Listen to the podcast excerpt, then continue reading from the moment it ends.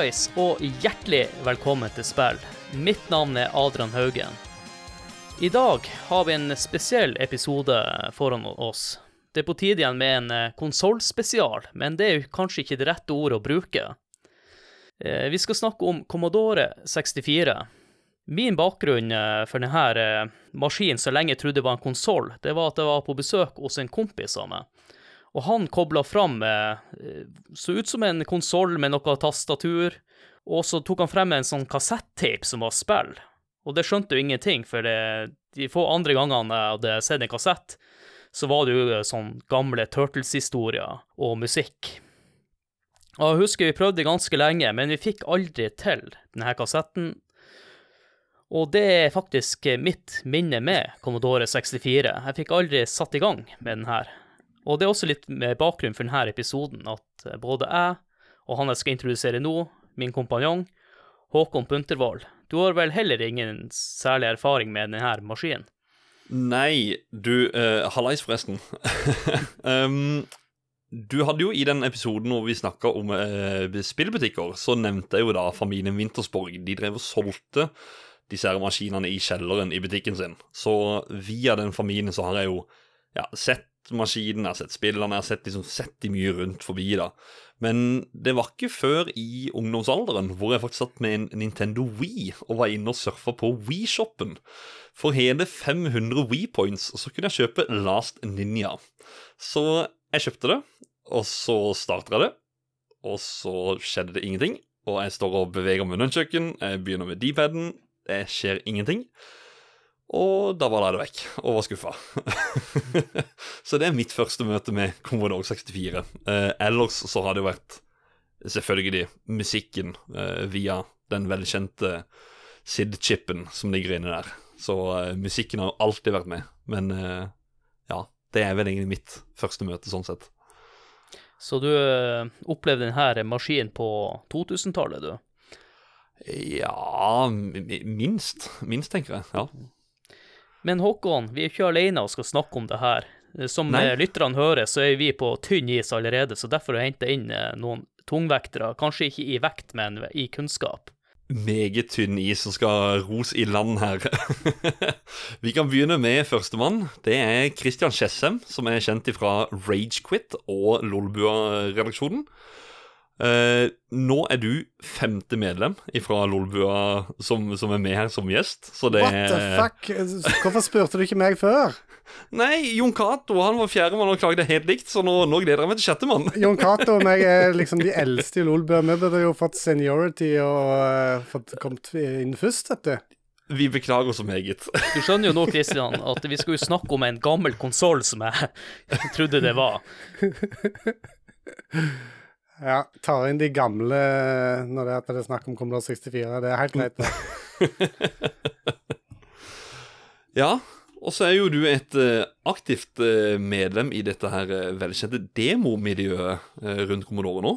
Det stemmer. Jeg starta jo demo siden på 80-tallet. Og så dreiv på litt inn på 90-tallet, og så eh, kom livet og greip fatt. Og så eh, så jeg på en måte ikke Commodore 64-en min før på slutten av 2000-tallet igjen. Mm. Det som fascinerer meg nå, Kristian, at du starter med demoscenen før han Håkon var født. Ja, faktisk. Nå begynner du med årstaller igjen. Ikke heng deg opp i årstaller. Jo, jeg blir nok å henge meg opp i årstallene litt senere i episoden, da. Ja, ja, ja. Nei, det er helt, det er helt greit. Uh, ja, og så hadde jeg en pause på 25 år cirka. Mm. Og så uh, plutselig så fant jeg tilbake igjen til Commodore 64-en og demosiden. Og nå, akkurat de siste år, to siste årene har jeg ikke vært så superaktiv pga. Eh, familie og pandemi og all slags. Men eh, jeg er forholdsvis involvert ennå. Vi kommer nok sikkert til å høre mer om det utover i episoden. Yes. Og så er det jo enda en. Han er jo kjent ifra en annen massiv eh, podkast-redaksjon. Det er Ketil Espenes fra Radcrew-gjengen. Eh, også tidligere programleder i Retrocrew. Velkommen. Tusen takk, Håkon. Utrolig kjekt å bli invitert på, på dette og snakke om Commodore 64. Det setter jeg veldig stor pris på. utrolig kjekt å ha deg med også. Det, sist vi pratet sammen, det var vel også på en Retro Crew-episode hvor vi snakket om Street Fighter. Stemmer det. det. Det var det. Og det ble en eh, veldig bra episode. Da hadde vi jo både deg inne som ekspert eh, der, og i tillegg så eh, intervjua vi jo en gjeng som hadde faktisk skrevet en bok om Street Fighter. Så Mm. det, du finner bøker om alt nå til dags, disse kickstarter-tider. Jeg kan faktisk si at det var den første podkasten jeg var med i noen gang. Så, det, så de som vil høre den, så gå, gå tilbake inn i biblioteket. Men hvordan eh, er din bakgrunn med, med tanke på Commodore 64? Nei, altså, jeg er jo egentlig òg en poser her. eh, fordi at jeg eh, eide ikke en Commodore 64 back in the day, eh, som så mange sier. Jeg var en Atari-mann, jeg. Eh, og eh, foreldrene mine var hadde jo ikke peiling. altså jeg, De visste bare til, til jul eh, i 1990 så ønsket jeg meg et eller annet konsoll eller datamaskin. Eh, og da gikk de og fant eh, sikkert det billigste som de fant. Og det var da en At- Atari XEGS, XE Game System, som er en sånn hybridsak mellom en eh, datamaskin og en konsoll, eh, som kom ut i 1987. Eh, eh, men har 64 kilo på et minne og var egentlig en god contender til, til Commodore 64-en. Sånn sett. eh, og hadde Basic som operativsystem og, og hele, hele pakken. Eh, og så oppgraderte jeg senere til Commodore Amiga, da. Men jeg hadde veldig mange kamerater som hadde Commodore 64, og jeg var utrolig, ble utrolig glad i den maskinen. Har veldig mange gode minner fra, fra bursdager og, og andre besøk der jeg var hos kamerater og spilte på C64-en, og har da nå i etterkant, da i min voksne alder, jeg har en stolt eier av to, eh, to eh, originale breadboxes og en eh, hvit C64C. Eh, med masse utstyr. Blir du imponert nå, Christian? Eller jeg regner med du har enda mer enn det? Eh, La oss ikke snakke om tall eh, når det gjelder hvor mange jeg har. Eh, Men eh, ja, det, det har blitt noen. Det er jo det som jeg merker nå, nå med eh, Altså sånn Det å være inne i spillsamlermiljøet og sånt, så er det, det, det er så rart. For gjerne folk sier det Ja, de har én Nes, de har én Nintendo 64 og en PlayStation 2. Men de har alltid fem, seks, syv Commodore 64. Det er, alltid en bunke med det.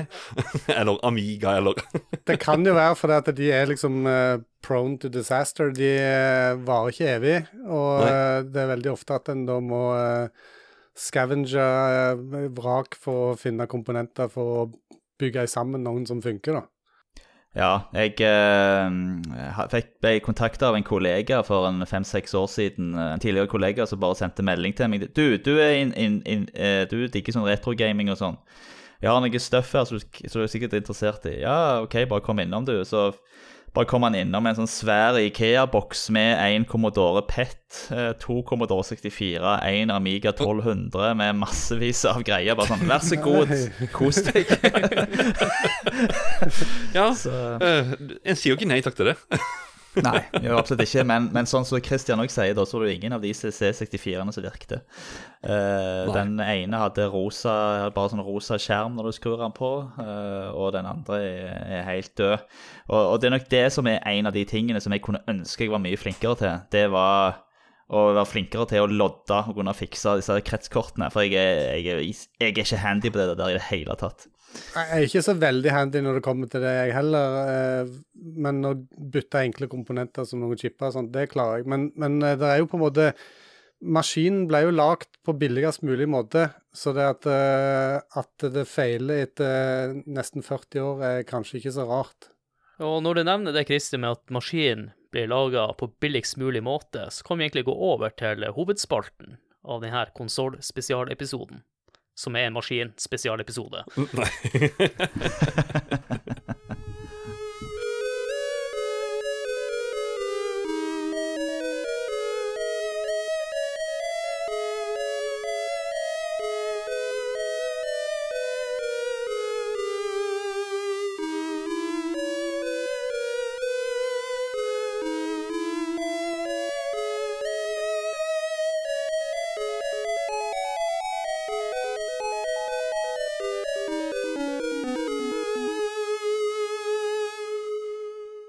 skal vi gå nærmere inn på eh, Commodore 64, som ikke er konsoll, men en PC. Og Ketil, siden jeg ikke har gjort min research for foran denne episoden, så tenkte jeg at du skulle hjelpe meg litt med å forklare hvordan ble denne Commodore 64 til. Mm. Yes, så eh, her må jo bare Christian og jeg hoppe inn og hjelpe til, så jeg glemmer noe essensielt. Jeg syns jo Jack, Jack Tremell er jo mannen som starta Commodore Business Machines i 1954. Han er en mann som jeg mener det blir snakket altfor lite om. Uh, jeg mener han er en uh, teknolog og en forretningsmann, i hvert fall godt på nivå med både Steve Jobs og Bill Gates, med det som han klarte å oppnå både i Commodore og Atari. Han han var jo oppvokst i Polen og uh, opplevde jo uh, verdenskrig tett på kroppen. Uh, han havna jo faktisk i Auschwitz sammen med familien sin og ble faktisk inspisert av Josef Mengele i Auschwitz. så det var rett før det gikk skikkelig gale. Og det gjorde det jo med foreldrene. Men han overlevde, ble redda av US Air Force i 1945 i en arbeidsleir. Uh, flykta så Eller ikke flykta, men uh, flytta til USA uh, og starta opp firma der. han begynte jo med Commodore Portable Typewriter Company, altså med skrivemaskiner. for det, det, første han gjorde når han kom til USA, var å være i militæret. Så han kalte jo da selskapet opp etter noe militært. Og Captain og General og alt det der var jo tatt, så da var det Commodore. Um, og han var veldig innovativ uh, og så det at uh, de amerikanske markedet ble fort utkonkurrert av japanerne. Um, og det var når den uh, digitale kalkulatoren begynte å komme inn på markedet. og, og en annen aktør som vokste fram, så også var et innovativt selskap, nemlig Texas Instruments. Um, så da migrerte de over til kalkiser. Uh, og i, i, tillegg da så uh, kom det en ny kar om bord som ble head of engineering, en som heter Chuck Peddle. Uh, og han hadde sett hva som var mulig når det gjaldt uh, personlige datamaskiner, og sa at dette her med kalkulatorer det må vi bare kutte ut, for det er dette som er framtiden. Og så, så sa Jack Tramill at OK, bevis det for meg med å bygge meg en datamaskin til meg. Og da bygde de den første personlige datamaskinen sin, nemlig PET som da står for uh, altså Commodore PET, som står for Personal Electronic Transactor. og Det ble bygd da i 1977. Og, kjøpt, og Commodore kjøpte òg opp Moss Technology for å ha god tilgang til chipsets til denne maskinen. Uh, og denne maskinen uh, jo, la, lagde da grunnlaget for veldig mye av det utstyret og de ulike interfacene og, og, arkitekturen som kom til å komme òg seinere i VIC20 og Commodore 64. Eh, så den gjorde det veldig bra i markedet, spesielt innenfor utdanningssektoren. Eh, det var bl.a. en versjon av denne som heter Teachers Pet. Og så eh, skulle de da ta Og med denne her hadde en monokrom skjerm. Han har ett, ett hovedkort hvor alt ligger på. Han brukte òg teipelagring tapelagring med digitalt interface. Det var jo mange av disse personlige datamaskinene på den tiden som brukte tapelagring, men mange av de brukte jo et audio-interface, altså en standard jack-kabel. Mens Commodore hadde et nytt digitalt interface som var mye mer da, robust. Det er jo en svær tanks, den der PET-en, eh, for de som har prøvd den. Og, og, gjerne ikke den som på en måte kunne ta hjemmemarkedet. Men det ville de jo da gjøre med en ny maskin, nemlig VIC-20. Den skulle de konkurrere på hjemmebane med. Går Atari i strupen, så da var jeg ute med Atari 400 og Atari 800 fra sin computerdivisjon. De satsa på grafikk og lyd. Denne kom jo ut da i 81, og den hadde et unikt chipset som da var utvikla av dette selskapet Moss Technology.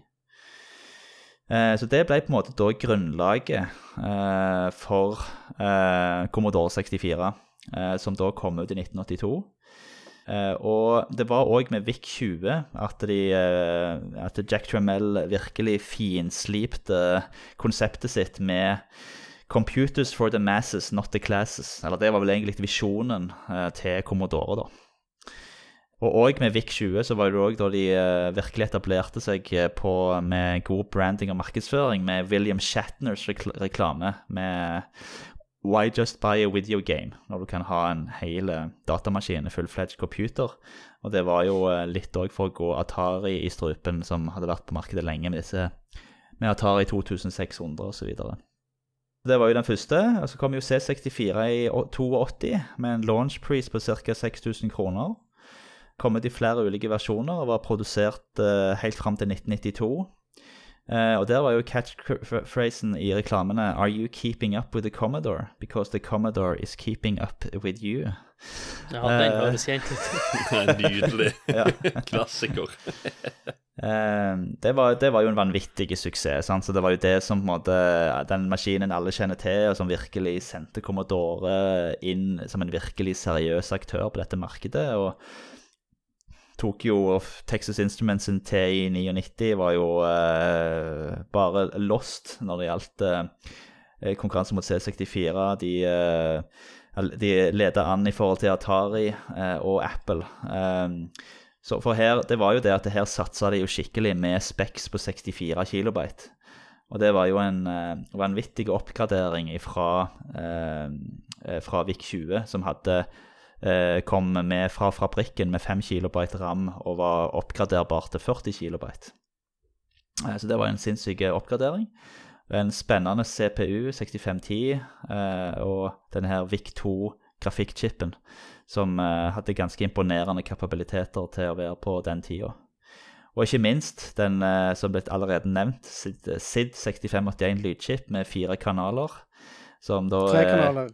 Tre kanaler, ja. Som da har blitt uh, ja, en, en hit i demoscenen som, som Christian uh, kjenner så godt til. Det er jo litt, eh, det er en kuriositet som kanskje mange ikke vet, og det er jo at den Most Technology, den uh, chipen 6502 som de utvikla på 70-tallet, som ble benytta i PET-en, som du nevnte, og som òg egentlig basically er den 6510-en, bare med litt flere IO-porter på, den ble jo òg brukt i flere andre maskiner, f.eks. Apple 2 og Nintendo Entertainment System, altså den gode gamle nesen som alle kjenner. Det er den samme arkitekturen og eh, CPU-en i de. Bare i Mm. nesen så er han jazza litt mer opp. Eh, Commodore 64 han har vel 0,9 megahertz, mens eh, nesen har 4 eller noe sånt, tror jeg. Så de, de har jeg håper å si, å overklokke han litt eller et eller annet. De, de har iallfall uh, jazza den litt opp. Eh, grunnen til at eh, Commodore 64 ikke hadde mer enn 0,9 var at uh, VIC-2-en som du nevnte, den kjørte ikke raskere, og for at den skulle kunne henge med, så kunne de ikke ha noe kraftigere CPU. Mm. Men eh, som du nevnte tidlig, Ketil, han eh, Jack eh, Tremel, var det han heter? Ja. Han er jo en eh, Du var inne på det, han er jo en pioner. Mm. Han var Mm. jo, på samme måte som Steve Jobs, det var jo han som virkelig gikk inn for å få PC-en til det vanlige folket, og som jeg også har fått med meg at Commodore den satser også på spill. Det er jo derfor det er fint at vi snakker om denne eh, PC-en i denne episoden, da. Mm. For de skjønte at spillene ville også trekke massene. Ja, i begynnelsen så gikk de jo til Jeg tror de uh, hira noen eh, fra Japan til å lage forskjellige kloner av, eh, av eh, andre spill som var Ja. Og det, det ble jo noe rettssak, og det ble trukket tilbake, eller et eller annet. Eller de måtte betale noe fi etterpå, eller et eller annet. Men eh, de, de kjørte hardt ut, liksom, i, i starten. Det interessante du sier der, eh, Christian, er jo at uh, han Jack Tremel han sa jo at de skulle bare peise på med å lage Pac-Man, som Atari Ja. allerede eide. For det, når de først fikk søksmålet mot seg, så hadde de allerede tjent nok penger på det spillet til at de kunne betale den boten. og Ja, og. PR-en eh, og liksom waven var allerede i deres favør. Mm. Og han var en luring, han Jack. Han, han, eh, han eh, snakket jo med Microsoft og ville kjøpe Basic eh, av Microsoft for å implementere i, i PET-maskinen. Og Bill Gates han ville gjerne ha eh, tre dollar per lisens, altså per maskin, mens eh, Jack Tramiel han sa at nei, eh, jeg, vil, jeg betaler 25 000 dollar i datidens penger, som er noe sånt som 120 000 dollar i, i dag, for å kunne bruke det så mye jeg bare orker på hvor mange maskiner jeg bare vil. Så, så eh, det, det var en genistrek, for det ble jo solgt ganske mange eh, av disse maskinene på begynnelsen av 80-tallet, og utover hele 80-tallet for så vidt, med Commodore 64, med basic eh, inkludert. da. Og i den første PET-versjonen så la jo Bill Gates inn et uh, easter egg i basicen der. Så hvis du Jeg vet ikke om den funker, den PET-en du har, Ketil, men, og hva slags versjon det er, men det er en kommando som heter uh, wait 6502, og så komma 1, for eksempel. Da skriver han Microsoft på skjermen én gang, hvis det er den, den versjonen som har easter egget til Bill Gates. Ja, det er jo uh, helt sant som du sier, Christian. Og det var jo det med han her han, som, jeg ikke nevnte nå, han her han Irvin Gould, som var en sånn investor som på en måte investerte veldig mye i Commodore og på en måte ble forretningspartneren til Jack Tremell. De mm. var jo uh, på en måte òg eh, veldig uenige i hvordan de skulle drive selskapet. Så det var det som gjorde at Jack Trammell til slutt slutta i 1984. Med grunnen til det som har kommet fram. Det har vært mye sånn spekulasjoner. liksom Hvorfor slutta Jack Tremello i Commodore og, og, måte gikk inn og kjøpte ut Atari fra Warner?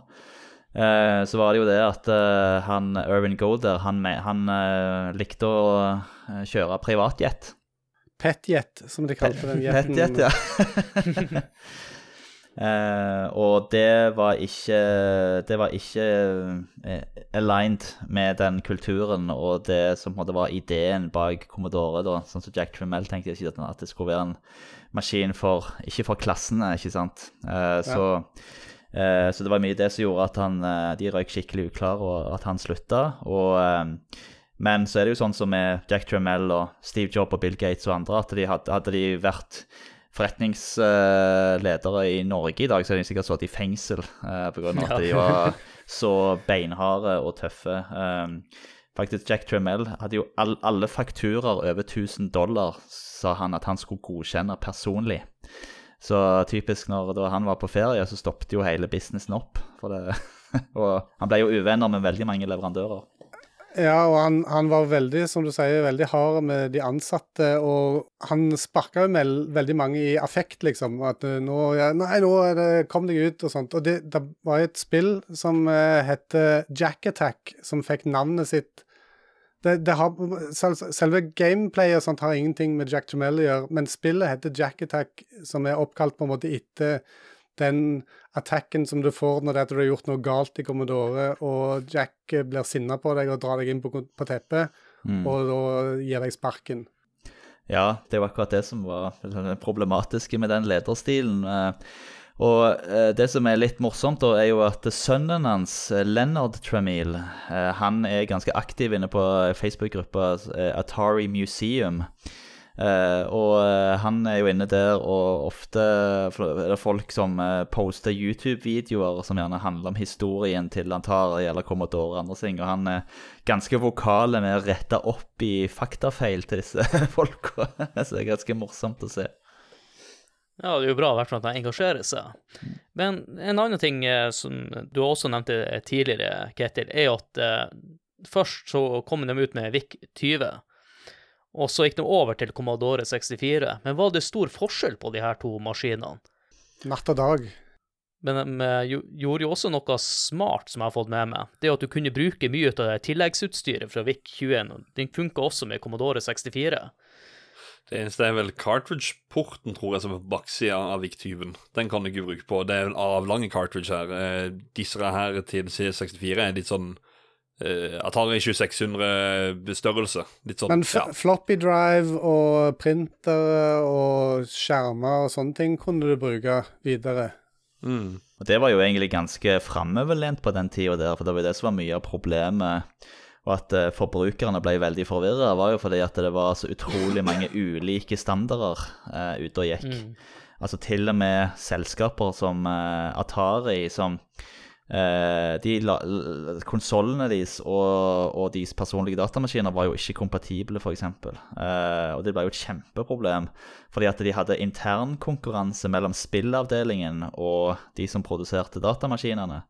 Så eh, de som på lagde Atari 7800, brukte en helt annen cartridge-standard enn det de gjorde på datamaskinene. Så det ble jo masse tull. Så akkurat der gjorde jo Commodore noe veldig riktig, da. Mm. Så, men det er som du sier òg, Christian, det var jo natt og dag mellom eh, VIC-20 og, og Commodore 64. Eh, og det, det, var jo litt det, de grepene de gjorde òg med den arkitekturen uh, som du nevnte, med at de på en måte hadde eh, De hadde sikra seg lisensen til å kjøre basic. Og så klarte de å holde av 40 kilobyte uh, til, til, basic. Uh, og, og, i tillegg da så hadde du noe, uh, noe som lå i forskjellige rom og kernel-rom og litt sånn spredt utover. Så det er derfor du ser når du starter opp basic, så vil du se at det står kun 38 da, da, da, da, uh, bytes available, og står ikke, det står ikke 64 osv., fordi at det andre ligger spredt litt på andre chipper. da. Ja, basicen klarte ikke å utnytte hele minnet. For å si mm, sånn. Hvis ja. du skal utnytte hele minnet, så må du bruke maskinkode eller assembler. Mm. Så eh, programmet takla ikke en så bra PC på den tida. ja, det basic, eh, det ligger på en måte litt i navnet. Basic ja. er ganske basic, for å si det sånn. Det er verken kjapt eller gunstig til å lage på en måte avanserte spill og sånne ting. Og du nevner spill, så var jo det noe de fokuserte veldig mye på.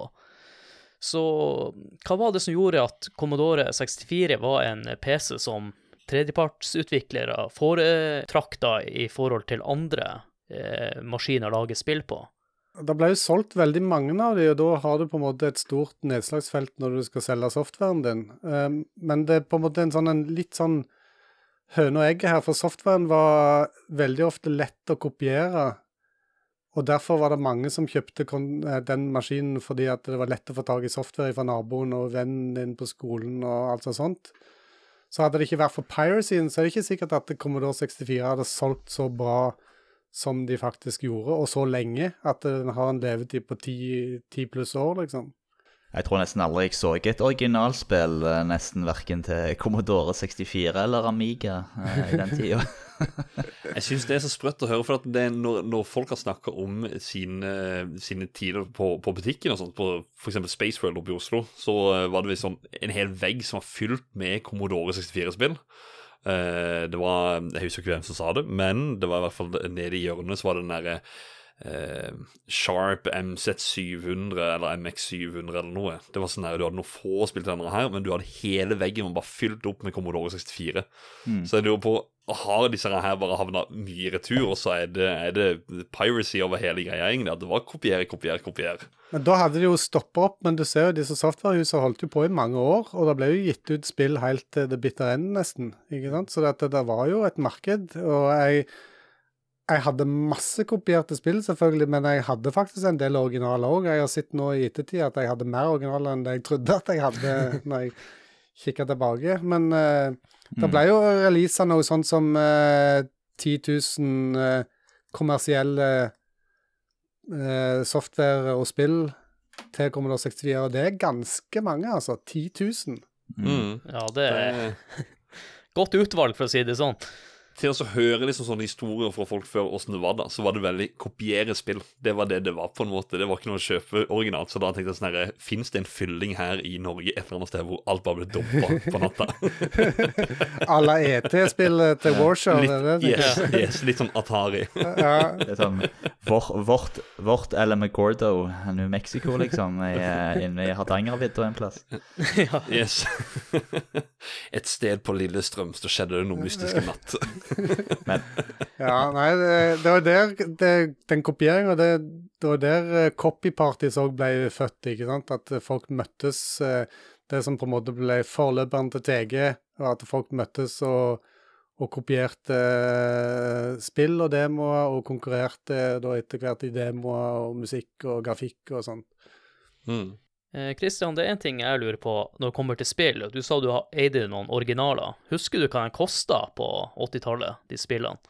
Jeg syns jeg husker at det kanskje eh, spillet kosta 100-150 kroner, og det var egentlig forholdsvis mye penger i den tida der. Nå har ikke jeg knatta inn i Google hvor mye 150 1987 kroner er i, i dag, men uh, det er ikke så veldig langt ifra det som en gir for et spill i dag. Sånn 300-400 kroner, 500 kroner kanskje. Men det er jo fortsatt billig i forhold til uh, i hvert fall Super Nintendo-spillene jeg kjøpte i 92 og utover. Det kosta jo 900 kroner på lektøysbutikken, så det er jo ganske rimelig spill i forhold til uh, konsollene på den tida.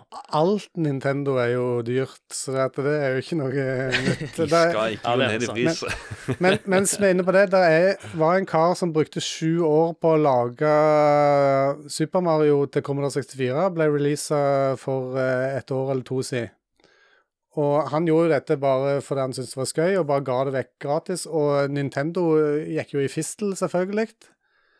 Eh, Men nå er det jo ute der, så folk har det jo. Men mm. det liksom måtte fjernes ifra fra på en måte websida hans og alt sånt, fordi at Nintendo det var ingen som skulle spille Super Mario på en annen plattform. Selv om han hadde gjort en fantastisk jobb med å, å porte det til Commodore 64. Jeg spilte sjøl, og det er ganske tro til originalen, altså. Til Ja. til å være fra Commodore og, og Nesen. Og enda en kuriositet, det var første gang jeg spilte eh, Super Mario Det var på Commodore 64 for et par år siden da den kom ut. Før det så hadde jeg aldri spilt det. Og så fikk jeg plutselig vite at kona sier det at eh, men jeg har eh, en original Nes på loftet, og jeg bare What the f... Hæ?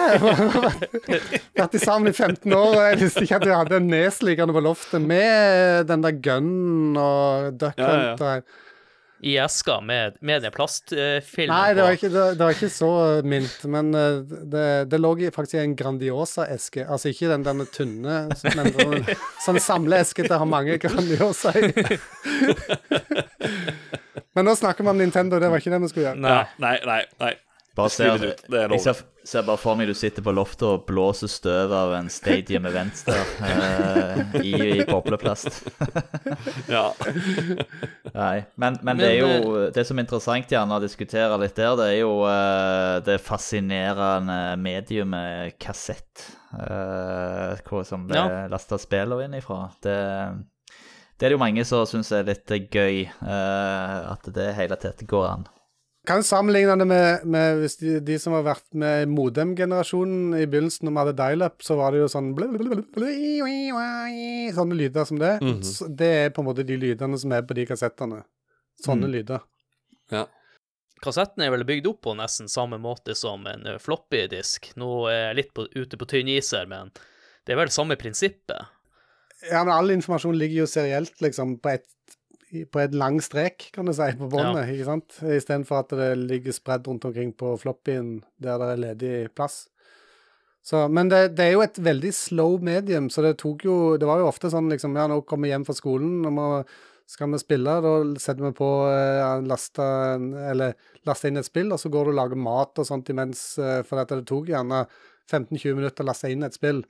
Hvis du var heldig og, og det ikke var load error fordi at noen hadde dunka borti kassettspilleren sånn at han leste feil, og det ble korrupt eh, data lest inn. Det forklarer jo hvorfor ikke vi fikk spilt det spillet. Ja, For dere sto og slo i Hvorfor funker ikke dette her, så slår i Ja, vi var jo vant til eh, vanlig Nintendo, så Ja. det gikk litt for tregt for oss. Fikk jeg høre at tidligere gjest eh, Trond Simfor Borgersen. Han fortalte jo at når de skulle loade innspill, så var det gjerne Vær stille. Det er jo, det er jo lydbåndene som skal spilles inn her. Altså, de fanger opp lyden at vi prater. Oh, ja, såpass, ja. Full silence, full silence. Eller så var det, som du sa, da gå og spise middag. Og det, det er sykt, altså. At, eh, altså sånn, Tenk på det nå. Nå sitter vi med SSD-disker hvor det er sånn Ja, hvis du bare går tilbake til SATA-disker, du klager jo nesten på at det går for tregt. Det er jo eh, ja. Vi er blitt bortskjemt med tida. Men når det kommer til han Trond, så tror jeg han blir lurt av foreldrene sine bare for at eh, de skulle holde kjeft i en god stund, så Det er jo også en måte å gjøre det på. Du mener han snakker for mye, eller? Nei, jeg vet ikke, men jeg tenker hvis jeg har vært eh, far og skal se sporten på eh, Ja, ja, ja. NRK eller noe sånt, så er det jo greit at ungene er litt stille. Men det kom jo, altså, det kom jo eh, håper jeg, medisin for den sykdommen der, med at det tok lang tid. Det, der kom jo ting som turbotape og sånt som gjorde at det gikk mye raskere å laste inn spill fra kassett. Og da eh, hadde vi alle en sånn liten glosebok som vi skrev eh, counteren på kassett, eh, kassetten på, og viste liksom at på 0040 der begynner det spillet, på 120 der begynner det spillet, sånn at du kunne spole fram til det spillet og laste det inn etter du hadde lastet inn turbotapen. da. Jeg, jeg syns jo dette med data eh, på kassett eh, er jo bare sånn utrolig kult, eh, fascinerende greier. Så jeg så jo en sånn Det er en sånn YouTube-video med en kar som heter The Shadow Snows, som forklarer liksom i detalj hvordan dette her fungerer, da. Uh, og sånn som han sier det at du har på en måte Altså du har jo selvfølgelig en sånn waveform som går. Uh, og, den sender, og den, der har du ulike, ulik lengde på disse her, altså ulike pulssignaler. Så du har en kort puls, du har en medium puls, og så har du en lang puls. Og hver av disse her uh, pulssignalene, da de, uh, Hvis det er en kort puls og en medium puls, så er det en null, altså i binær kode. Og er det en uh, medium og kort, så er det en ett, et, altså null, altså én.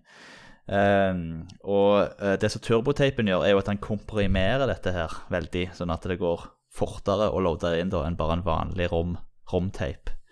Men da blir han òg veldig mye mer nøben for støy og dunk og sånt, for at, Ja. eh, da er marginene mindre.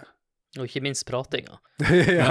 Det var jo det som var så kult. Eh, Jeg tror ikke det, det eksisterte i Norge, men altså, i UK så var jo Commodore 64 utrolig stort. Altså de Du hadde Ocean Software, du hadde Imagine, uh, mange av disse her. Uh, og Og ironisk nok US Gold. US Gold, ja. Fra, UK. ja. um, og jeg kan, veldig, jeg kan anbefale å kjøpe bøkene til en kar um, som blir kjent med en som heter Chris Wilkins. Han har skrevet The History of US Gold Ocean, og disse her, de, de er faktisk uh, veldig bra. Men uh, det Og det begynte jo med sånn postord- med sånn postordregreie. Altså du bestilte eh, spill uh, gjennom posten. Og så var det jo òg et vanvittig miljø. Det var det jo òg for så vidt for sånn som Sinclair Spektrum. Altså at eh, det var Du trengte bare én dude eh, som var god i å programmere, som da satt og lagde spill hjemme på gutterommet, sendte det inn til disse selskapene og sa at dette funker, det er jo bra spill.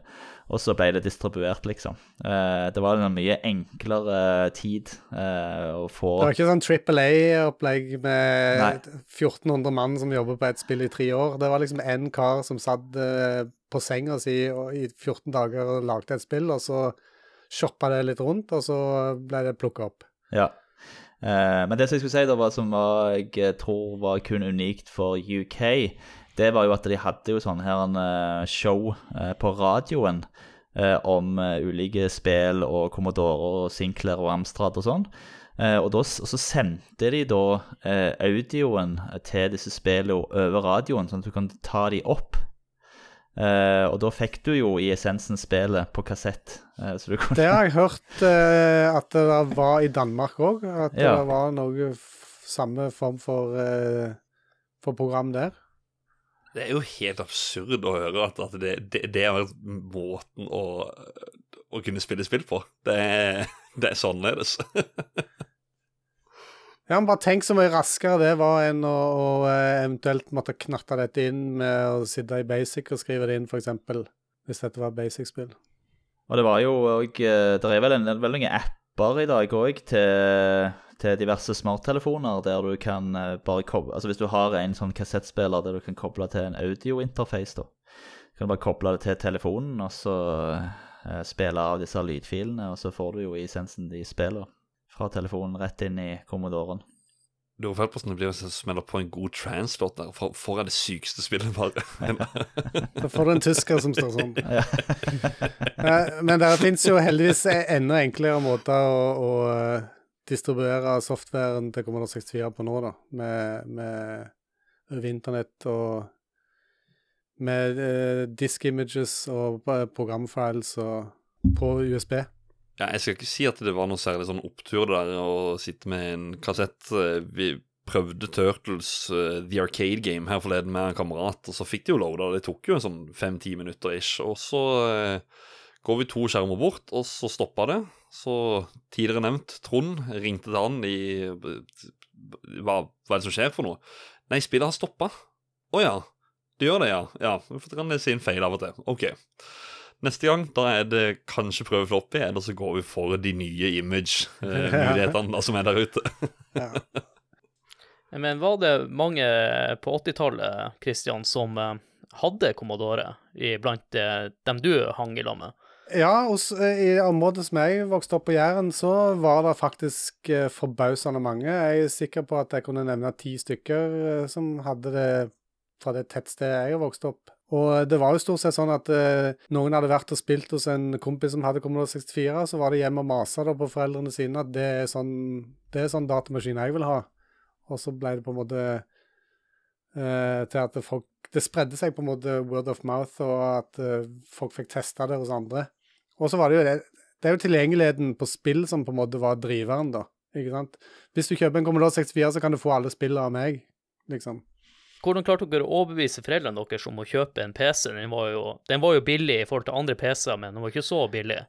Jeg, jeg er litt usikker på hvorfor det ble akkurat Commodore 64. Det er nok uh, tilfeldigheter for min del, for jeg fikk min til jul i 1984. Og det var min far som fikk et godt tilbud i klubben på jobb, altså fagforeningen på jobb. Så hadde de hatt et godt tilbud på en annen, så kanskje det hadde blitt det. Og da hadde min framtid sett helt annerledes ut, kanskje. Det ble heldigvis Commodore 64, og, og det er jeg veldig glad for, for å si det sånn. Men du brukte ikke maskin til å gjøre skolearbeid eller andre ting med den, enn bare å spille?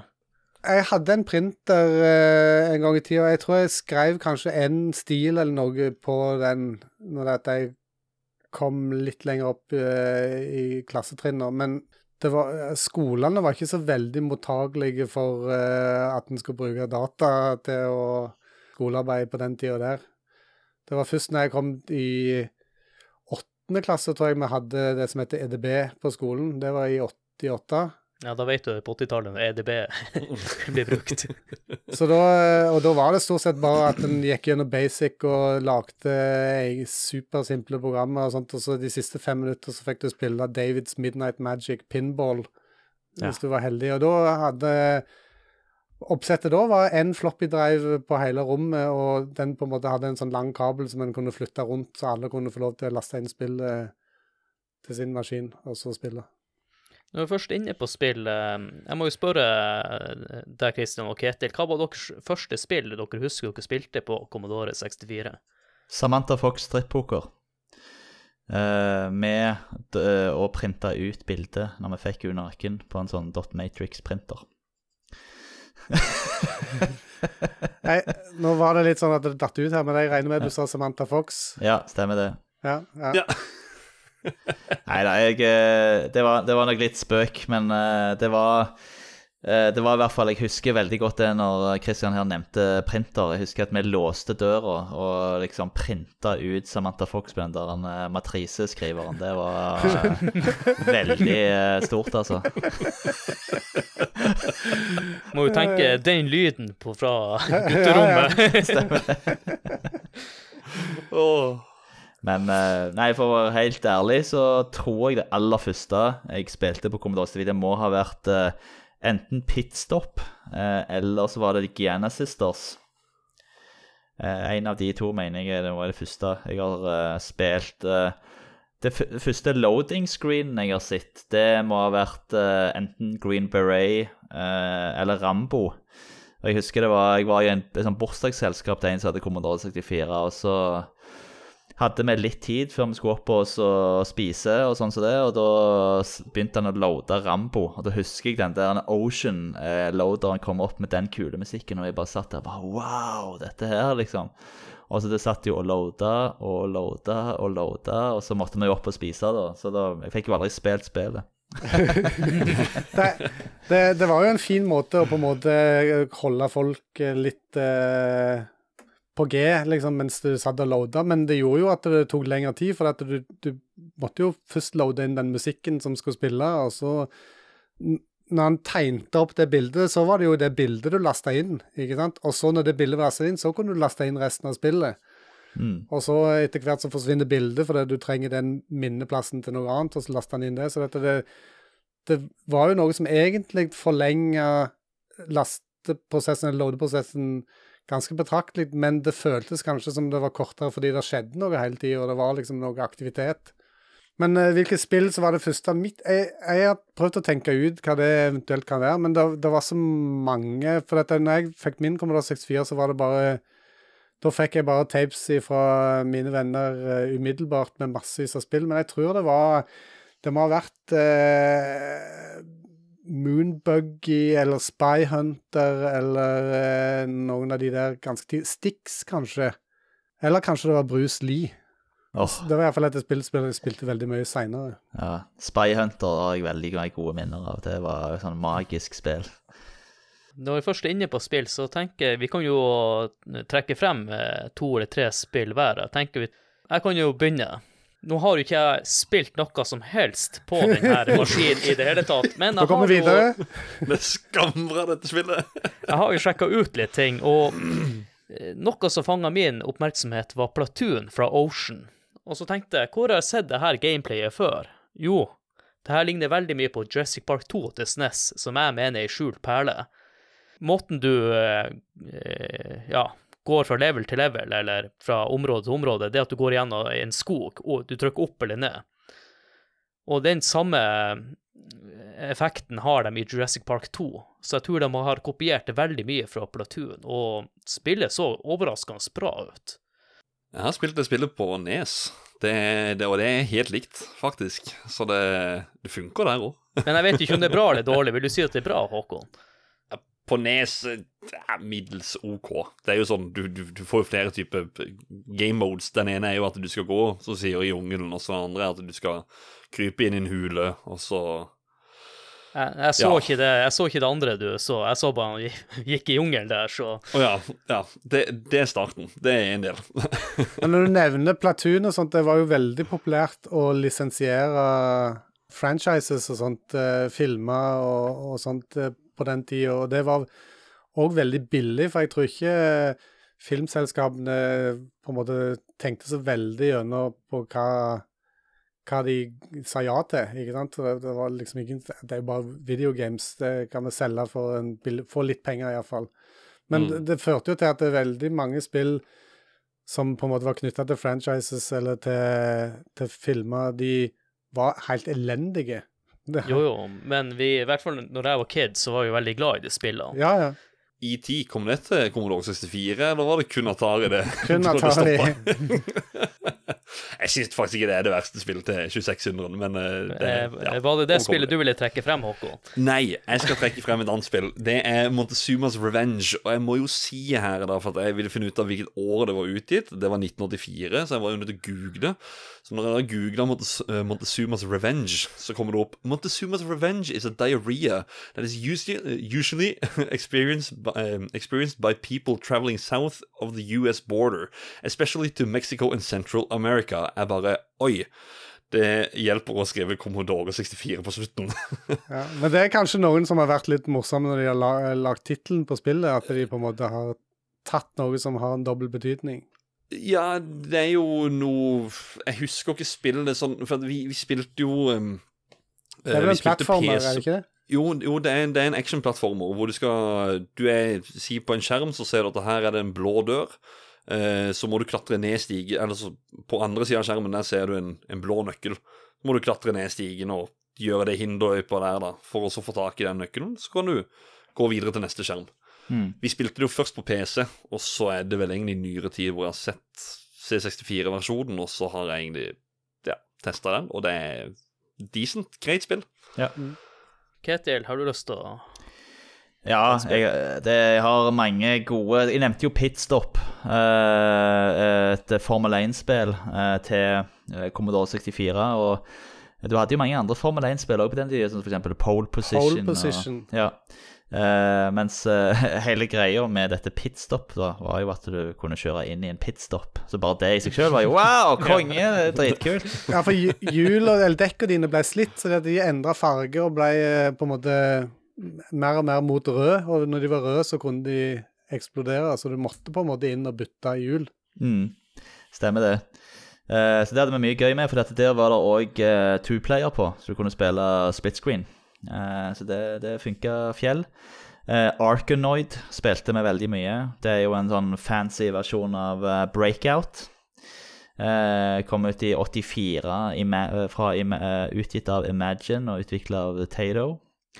Eh, drit, dritbra spill. Eh, originalt. Og musikken er jo fantastisk. Å ja. eh, nydelig.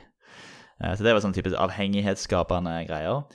Eh, så er det Giannis Sisters, uh, 1984 fra Rainbow Arts. Uh, den eh, herlige Mario Bros-kopien fra til Commodore 64, eh, som ikke var så lenge på markedet før Nei, den forsvant ifra hullen, og det har jo ført til at det er mange som prøver å selge disse originalene ganske dyrt på eBay og sånt, fordi at scarce å få tak i. Mm. På coveret til kassettversjonen der, så står det jo liksom De de står jo, altså to søstrene, så står det liksom at de har vært knust gjennom en vegg, og så ser du eh, det skrevet på veggen 'The brothers are history'.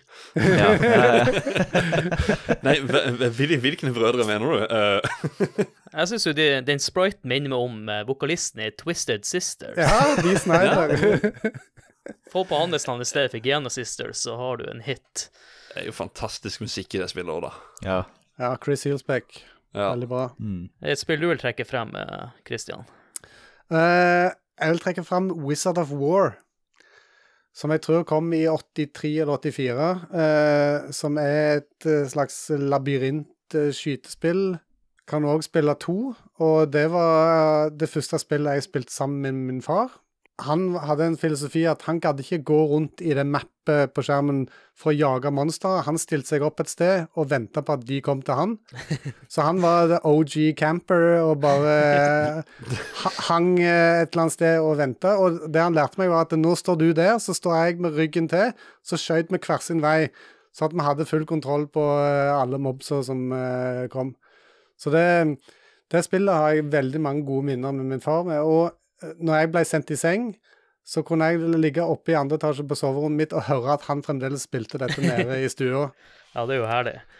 Så, så det var good time. Så det, det spillet har jeg på en måte seinere erverva meg på, på cartridge og sånt, sånn at jeg har på en måte et fysisk minne av det spillet. da. Det er jo en herlig historie. Men jeg vil jo trekke frem ett spill til, eh, Håkon. Eh, Det er jo ikke fordi at eh, jeg har spilt spillet, og musikken til spillet er jo legendarisk, men det som er mest legendarisk, er jo at jeg og Håkon har jo drukket med mannen som har lagd den fantastiske musikken, han Ben Daglish, og vi trodde han var en uteligger som hadde kommet inn på hotellrommet vårt. Vi sitter og slapper av, har det gøy på retromessa. Eh, fester. Eh, ja, Adrian og, og eh, Ralf fra sidelinja de har eh, en av disse her suitene som er på hotellet. Og så plutselig bare kommer veltende inn en langhåra Det er litt sånn det er en shabby fyr. Se, se, Litt sånn fett hår, ut, fett hår og Ja, Han minner meg litt om Captain Jack Sparrow, rett og slett. Ja, og så bare så vi bare sånn Oi, åssen har han her, her funnet veien inn? Og han bare I've been walking all around in Sandefjord looking for some party, and I'm going inside my room, and on the other side it's a freaking blast. Men jeg sit down? Og vi bare Vent, da. Det er jo Ben Dagnish. Sett deg ned. Vær så god. Kom, ta plass. Så det um, Det var, det var gøy. Det, det som var koselig, var jo at eh, noen måneder etterpå så hadde jeg bursdag, og da sendte han jo bursdagshilsen. Gratulerer med dagen, skål inn i helvete.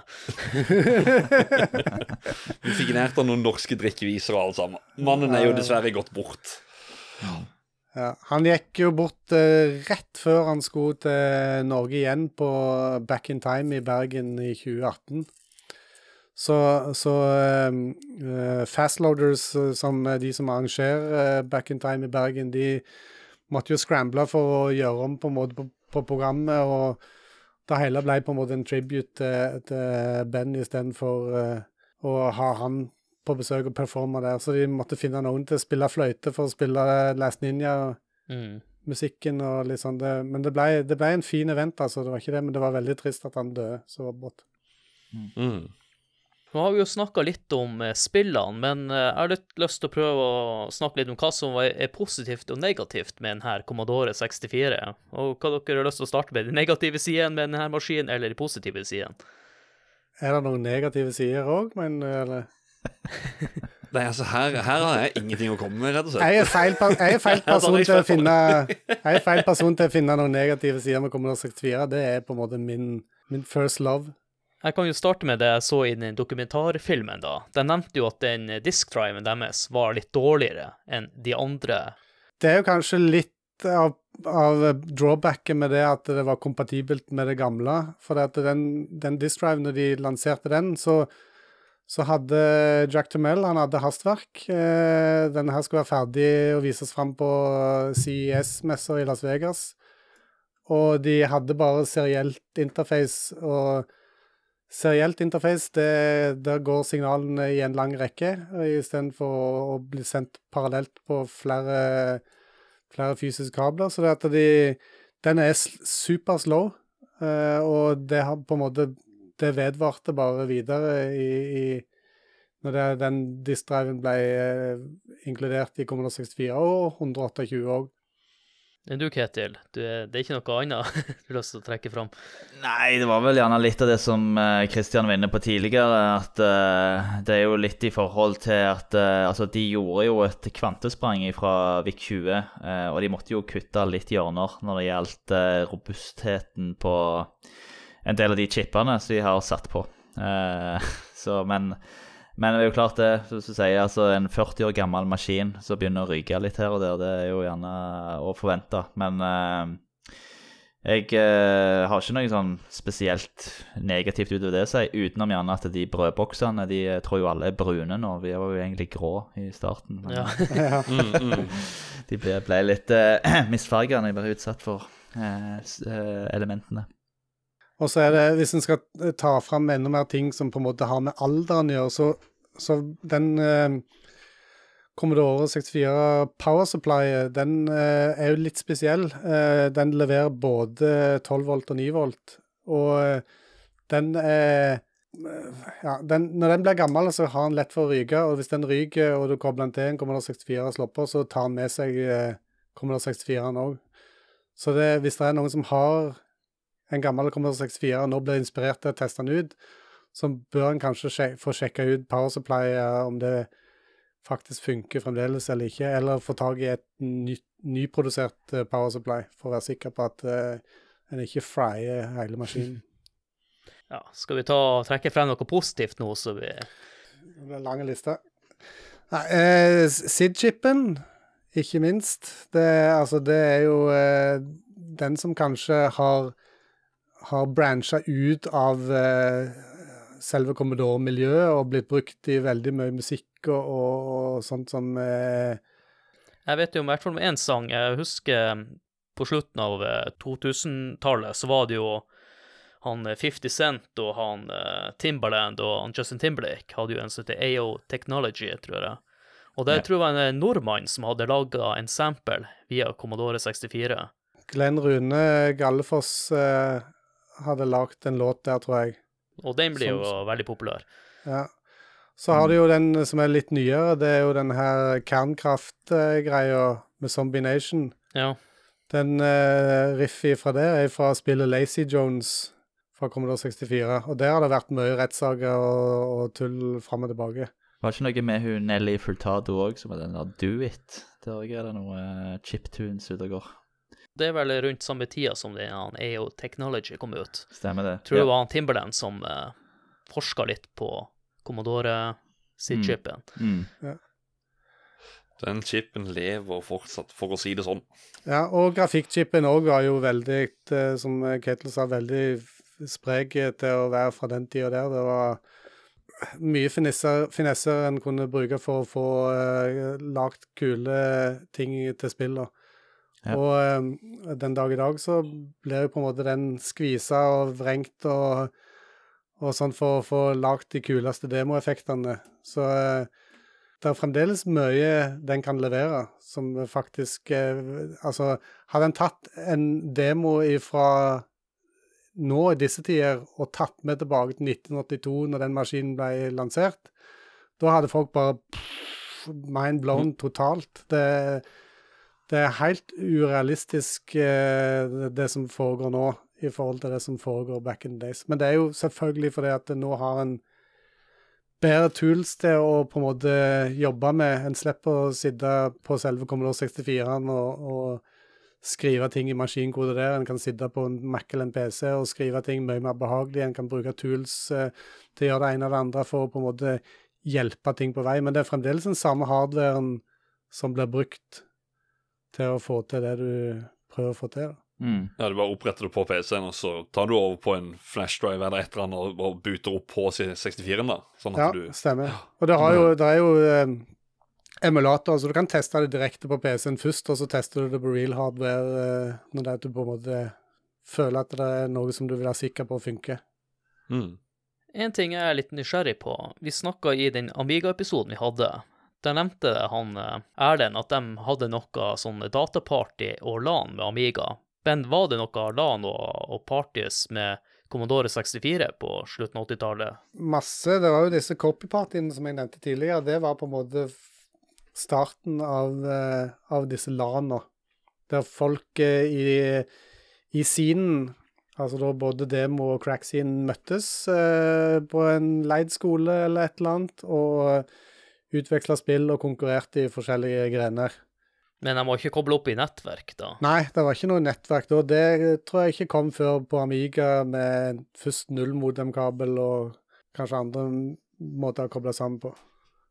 Men et annet spørsmål er, Kristian, hvor lenge hadde du en Commodore 64, og når innså du at nå er det kanskje på tide å gå over til noe annet? Jeg eh, fikk den som sagt i 84, og i 87 så fikk jeg meg Amiga. Eh, jeg beholdt Commodore 64-en, hadde Amigaen og, og uh, var med i dem, demo sin opplegg der òg, men, men uh, i 1990 så solgte jeg Amigaen igjen og fortsatte med Commodore 64-en. Så at, det, det, var på en måte der hjertet mitt lå, og jeg følte det var demoscenen var mer intim. Jeg likte bedre å, å forholde meg til Commodore 64-kontakter og, og, companions i grupper og sånt. Så ble det jo PC seinere, da. I 1993 kjøpte jeg den første PC-en min. Så eh, da døde på en måte Commodore 64-en litt vekk, for da ble oppmerksomheten så veldig eh, fokusert på, på, PC. Men så kom jeg som sagt tilbake igjen da seinere på 2000-tallet. En du, Ketil? Nei, altså igjen så, som jeg sa, jeg, var, jeg er jo egentlig en poser i tid. Altså, jeg eh, hadde jo ikke Commodore 64 back in the day, jeg var jo en Atari-mann. Men uh, jeg gikk jo uh, Jeg solgte vel Jeg solgte aldri Atarien min, den har jeg her fortsatt i levende livet. Uh, og gikk over til Commodore Amiga på, på tidlig 90-tall. Og, og, gikk så over til PC, som egentlig var en litt sånn nedtur. Jeg, den styggeste Olivetti-PC-en eh, noensinne. Kjøpt på Magnar Hatland, eller? Uh, Coop Ops. Ops. Kristian, har du lyst til å fortelle litt mer om den demoscenen? Ja, det kan jeg godt. Eh, når eh, når eh, folk cracker spill, Eh, på til på 80-tallet og sånt, så, så, det første som ble gjort da, eller de, det de gjorde da, var at de på en måte bare fjerna kopibeskyttelsen og, og distribuerte filer as is, eller spillet som, som, det var, uten noe særlig eh, dokumentasjon eh, på hvem som hadde gjort hva. Men etter hvert så begynte folk å skrive sånn 'cracked by', og så hadde de gjerne et sånn nikk eller handle for på en måte skjule sin identitet, siden dette i utgangspunktet var da en ulovlig handling dette bravadoet som på en måte folk higer etter for å vise hva de kan og, og hva de har gjort og sånt, det balla på seg, sånn at folk begynte å lage introer som de satte på foran spillene. Uh, der det gjerne var skrøyting av hvor raskt de hadde krakka spillet, og var det greetings til alle kjente og, og sånne ting. Og så, etter hvert, så begynte folk å få behov for på en måte å vise hva de kunne av programmering og sånt òg. Så disse introene de vokste og ble til demoer som på en måte var helt fristilt fra spill. Så de ble bare distribuert eh, for seg sjøl uten noe spill. Og da, var det bare for å boaste på en måte Se her hva jeg kan gjøre, dette kan jeg få til. Jeg kan eh, putte ting i sideboarderen eh, på Commodore 64. Jeg kan eh, få til ting som ser ut som det er mer farger enn de 16 fargene som er og så har det på en måte bare balla på seg. Da. Det er ei side som heter csdb.dk, som er på en måte Commodore sin database, som, som har alle releases som eh, er gjort på Commodore 64 opp til dags dato. og jeg nevnte jo tidligere at det var 10 000 kommersielle titler som ble releasa til Commodore 64, men i den databasen så er det over 200 000 releases. Så det vil si at det, det, det er en del ting som på en måte er blitt produsert i Commodore 64-demosiden. Selvfølgelig mye av dette er jo cracks av spill og sånt, men, men allikevel, det er, er, ganske mye kreativitet som eh, har gått inn i, i demosiden. Og dette spredde seg jo til andre plattformer, Amiga og Atari ST og, og PC, og, og, er jo i den dag i dag. Ja, det var egentlig det jeg hadde lyst til å spørre deg om. eh, For miljøet rundt det, er, det like levende som det var før i den tida? For det, det snakker vi jo om i Amiga-episoden, og da var det sånn at det Ja, du har noen grupper her og der, men det er sånn Hvor mye lever den nå i dag? Selvfølgelig er det ikke akkurat like aktivt på Commodore 64 som det var den tida der. I den samme databasen jeg nevnte, så er det eh, registrert 28 000 seniors, som da har vært med å produsere en eller flere av disse 200 000 eh, releasene. Så dette, i dag på Commodore 64 kanskje det er, kanskje det er 500, da. Som er eller en plass mellom 300 og 500 som fremdeles er aktive. Når det, er det, er store parties og sånt, så kommer det gjerne 200-300 mann. Så det må jo være ganske mye aktivitet fremdeles. Ja, det Så, tenker jeg sjøl. Det, det er jo for meg som er inne på konsollgenerasjonen, så vil jeg jo si at jeg kunne kanskje ha knytta sammen det- det- det 20-30 stykk som har liksom fast fokus på Barenesen da, for eksempel. Altså, sånn, det jo, så det er jo et stort community, da. Da er det jo gjerne spilling og fokus Ja. på spill, ikke sant? Eh, Dette det. her, disse partier som er nå, det er jo, da er jo fokusen på kreativitet og, og produksjon av, av demoer. Musikk og koding og grafikk. Jeg vet at du har vært på noen parties i Sverige. Er det noe i Norge? Det har ikke vært arrangert noe i Norge på mange, mange år, tror jeg. Eh, Kindergarten som ble arrangert på Fagernes eh, eh, her på Østlandet, var vel Jeg lurer på om det siste gangen var i begynnelsen på 2010-tallet eller 2012 eller et eller annet sånt, tror jeg kanskje, uten å si det helt sikkert. Ja, så har du jo for så vidt eh, Solskogen, som er et sånn cross-plattform-arrangement med, med både Amiga, PC og Tiki 100 og mye forskjellig. Det var en demo fra Tiki 100 som var der for noen år siden. Men, det, men rene Commodore 64-parties er det lenge siden jeg har vært i, i Norge. Men det har vært mange i Sverige før pandemien. Jeg er sjøl med å arrangere et party eh, i Østersund som heter Fjelldata i Sverige, som nå forhåpentligvis eh, er vi tilbake nå i, i februar. Mm. Hvis ikke pandemien blomstrer opp igjen. Vi får se. Men jeg må jo også si til de i retromesser, for vet det er noen av de som hører på, så eh, ta nå ha en demokonkurranse på retromesser. Det er jo ikke noe annet sted det passer bedre inn, spør du meg, da. Det er jo, Så kan folk ta litt Jeg, jeg, jeg er jo veldig interessert i å ja, altså sånn, komme litt blindt inn i episoden her og ha lite penger på maskinen. Og jeg syns det er en veldig interessant maskin, og demoscener og alt, egentlig. Ja, demoscenen det er jo på en måte Det, det er jo ikke egentlig spillet som drog meg tilbake igjen. Det var jo demoscenen og, og med Facebook og sosiale medier så enkelt å på en måte komme i kontakt med de folka som du hadde kontakt med på 80-tallet. Mm. Det er jo fremdeles folk eh, som jeg hadde kontakt med på 80-tallet, som jeg nå har på Facebook, som jeg aldri har møtt. Som jeg, jeg, jeg eh, har kontakt med. Og så selvfølgelig mange folk som jeg aldri møtte på 80-tallet, men som jeg jo nå har møtt i, i nyere tid. Mm. Ja, det er jo kult. Da, Håkon, har du lyst til å fortelle litt om det fantastiske tilbehøret til Commodoren? Det fantastiske tilbehøret som jeg husker så mye at jeg spilte med Nei. jeg vet at det fins litt av diverse. Vi har jo allerede nevnt det i ymse slag. Eh, Commodore Datasett eh, eh, 1530. Det er jo da kassettspilleren. Eh, er vel eh, tregeste måten å, å laste inn Commodore-program eller spill på. Det ligger rett etter hullkort. Det, det går ikke så fort. Nei. eh, de oppgraderte jo til floppy drives, hvor de hadde tre forskjellige versjoner. Det kan jo ha kommet ut noen tredjepartsleverandører også av disse her, men jeg vet Commodore kom ut med eh, tre egne, som var til den fem og en kvart eh, størrelse eh, diskene. Da var det 5141 og en 1570 og 1571. Og så gikk de over til 3,5 toms, så den het 1581. De hadde òg en som het 1541-2. Jeg må spørre, hva er greia med de navnene, de tallene? Hva, eh, vet dere hva det er? Eh, akkurat det vet jeg faktisk ikke. Det her må jo dere kunne, dere er jo eksperter. De har dratt inn ekspertpanelet her. og ja, det er derfor dere er her. Svaret på de det er liksom som, som jeg sier, da. Datasett 1530, og så er det 5141 uh, 1541. ja, Alle, alle ja, begynner på 15, vel? Den eh, kassettspilleren, den var 1530.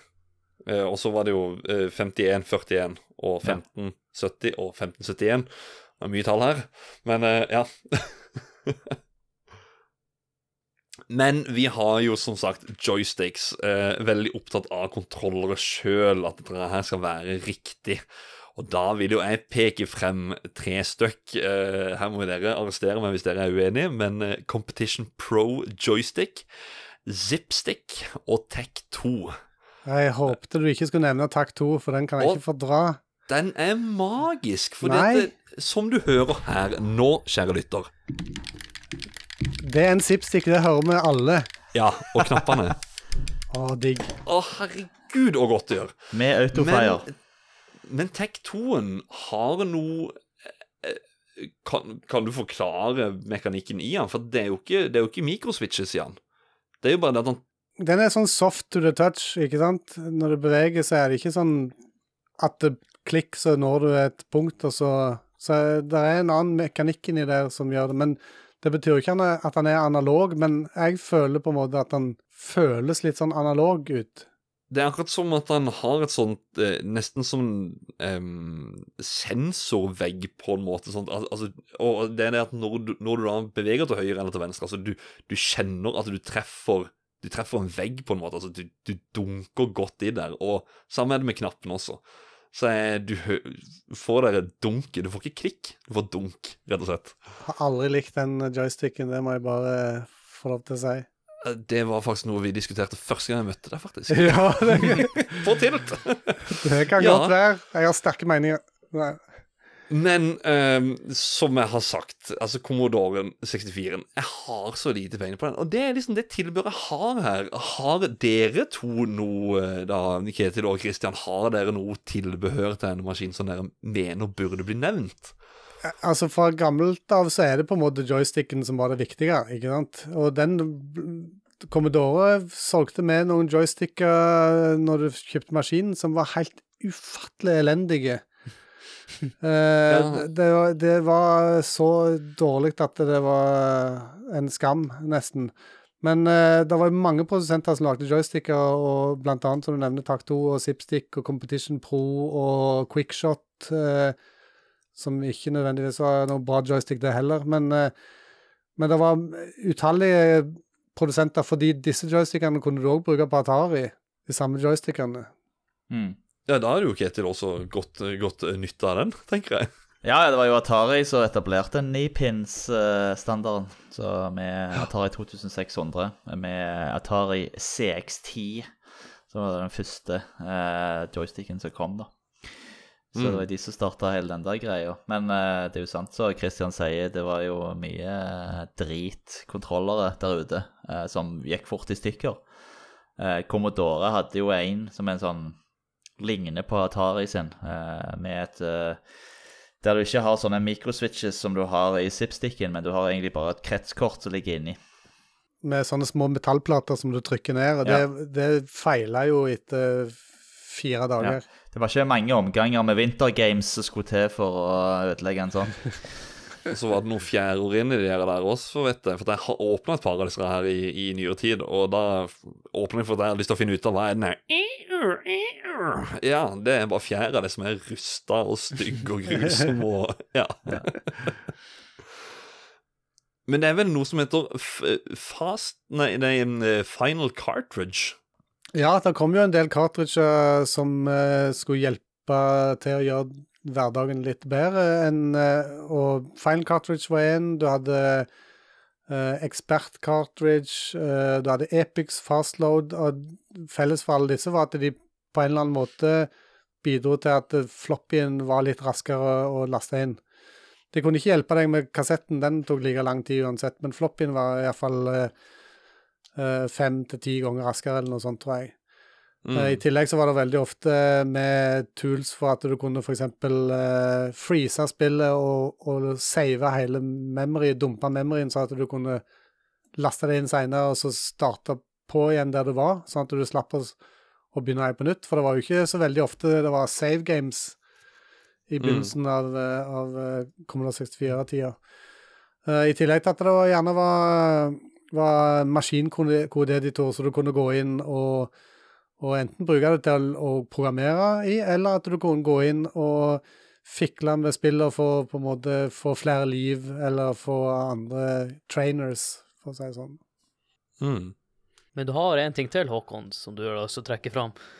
Jeg ble bare sjokkert. Det, var, det er en fyr som har klart å pro eh, programmere en eh, kaffemaskin til å fungere med Commodore 64.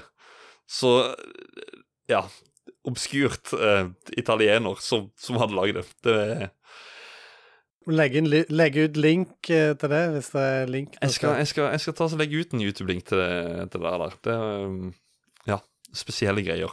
Og kanskje legge han ut når vi legger ut episoden også, så lytterne også kan se den. Ja. Ja. Veldig, veldig Ja. sært, spesielt, kult. Uh, ja. Hvis en mover fast forward til, til i dag, og utstyr i dag, så, så uh, finnes det jo mye forskjellig der en kan på en måte få kobla Commodore 64 til en mer moderne TV, med HDMI f.eks. Eller hvis en har noe som er middels nytt, en SCART-kontakt eller video in eller noe sånt, så en slipper å bruke RF-inngangen på TV-en. Uh, og så uh, i uh, disse dager så trenger du ikke lenger drive og fjolle rundt med floppy og kassett. Du kan få eh, hele Commodore 64-biblioteket fra dag én og til, opp til dags dato på en eh, USB-stikk. Og, og, eh, og um, bruke f.eks. noe som heter Ultimate eh, 1541 uh, cartridge, eh, som du setter i, som uh, både har fastload og kan laste filer fra images og USB, og last, du kan laste Du kan koble den til eternett og, og faktisk få Commodore 64-en din på nett. Da. Så Det er eh, det er en tool som jeg anbefaler på det varmeste hvis en skal på en måte utforske Commodore 64-en i 2021. Mm. Uh, det er jo ikke akkurat det billigste utstyret, men, uh, men det gjør hverdagen så mye enklere når du skal på en måte teste software som du henter på nett. Og så nå, nå kom jeg på en mail jeg fikk på En jobbmail jeg fikk for kanskje ti år siden. Og da hadde han lagt i signaturen sin, så du kan der det sto 'sendt fra min Commodore 64'. som jeg synes var veldig morsomt. Så du har jo mulighet til å sende mail med din Commodore 64 hvis du bare trikser til med signaturen din. Så, så det var litt sånn jeg tenkte dødskult. Det, var en, eh, det var en sjåfør i Bring som har eh, alltid hatt signatur med det, sendt fra min Commodore 64. Men altså, Herman, for, for å bare eh, altså, gjøre det enkelt, da, kan du ikke bare kjøpe en sånn C64 Mini? Nei da. Get the fuck out!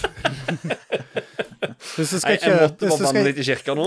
hvis du skal kjøpe Det er jo bare en emulator. Du kan like så godt kjøre emulatoren på PC-en din, men det, tastaturet funker ikke eller noen ting. Da måtte du i tilfelle kjøpt i verste fall Maxien, eller den store, The Ja. 64.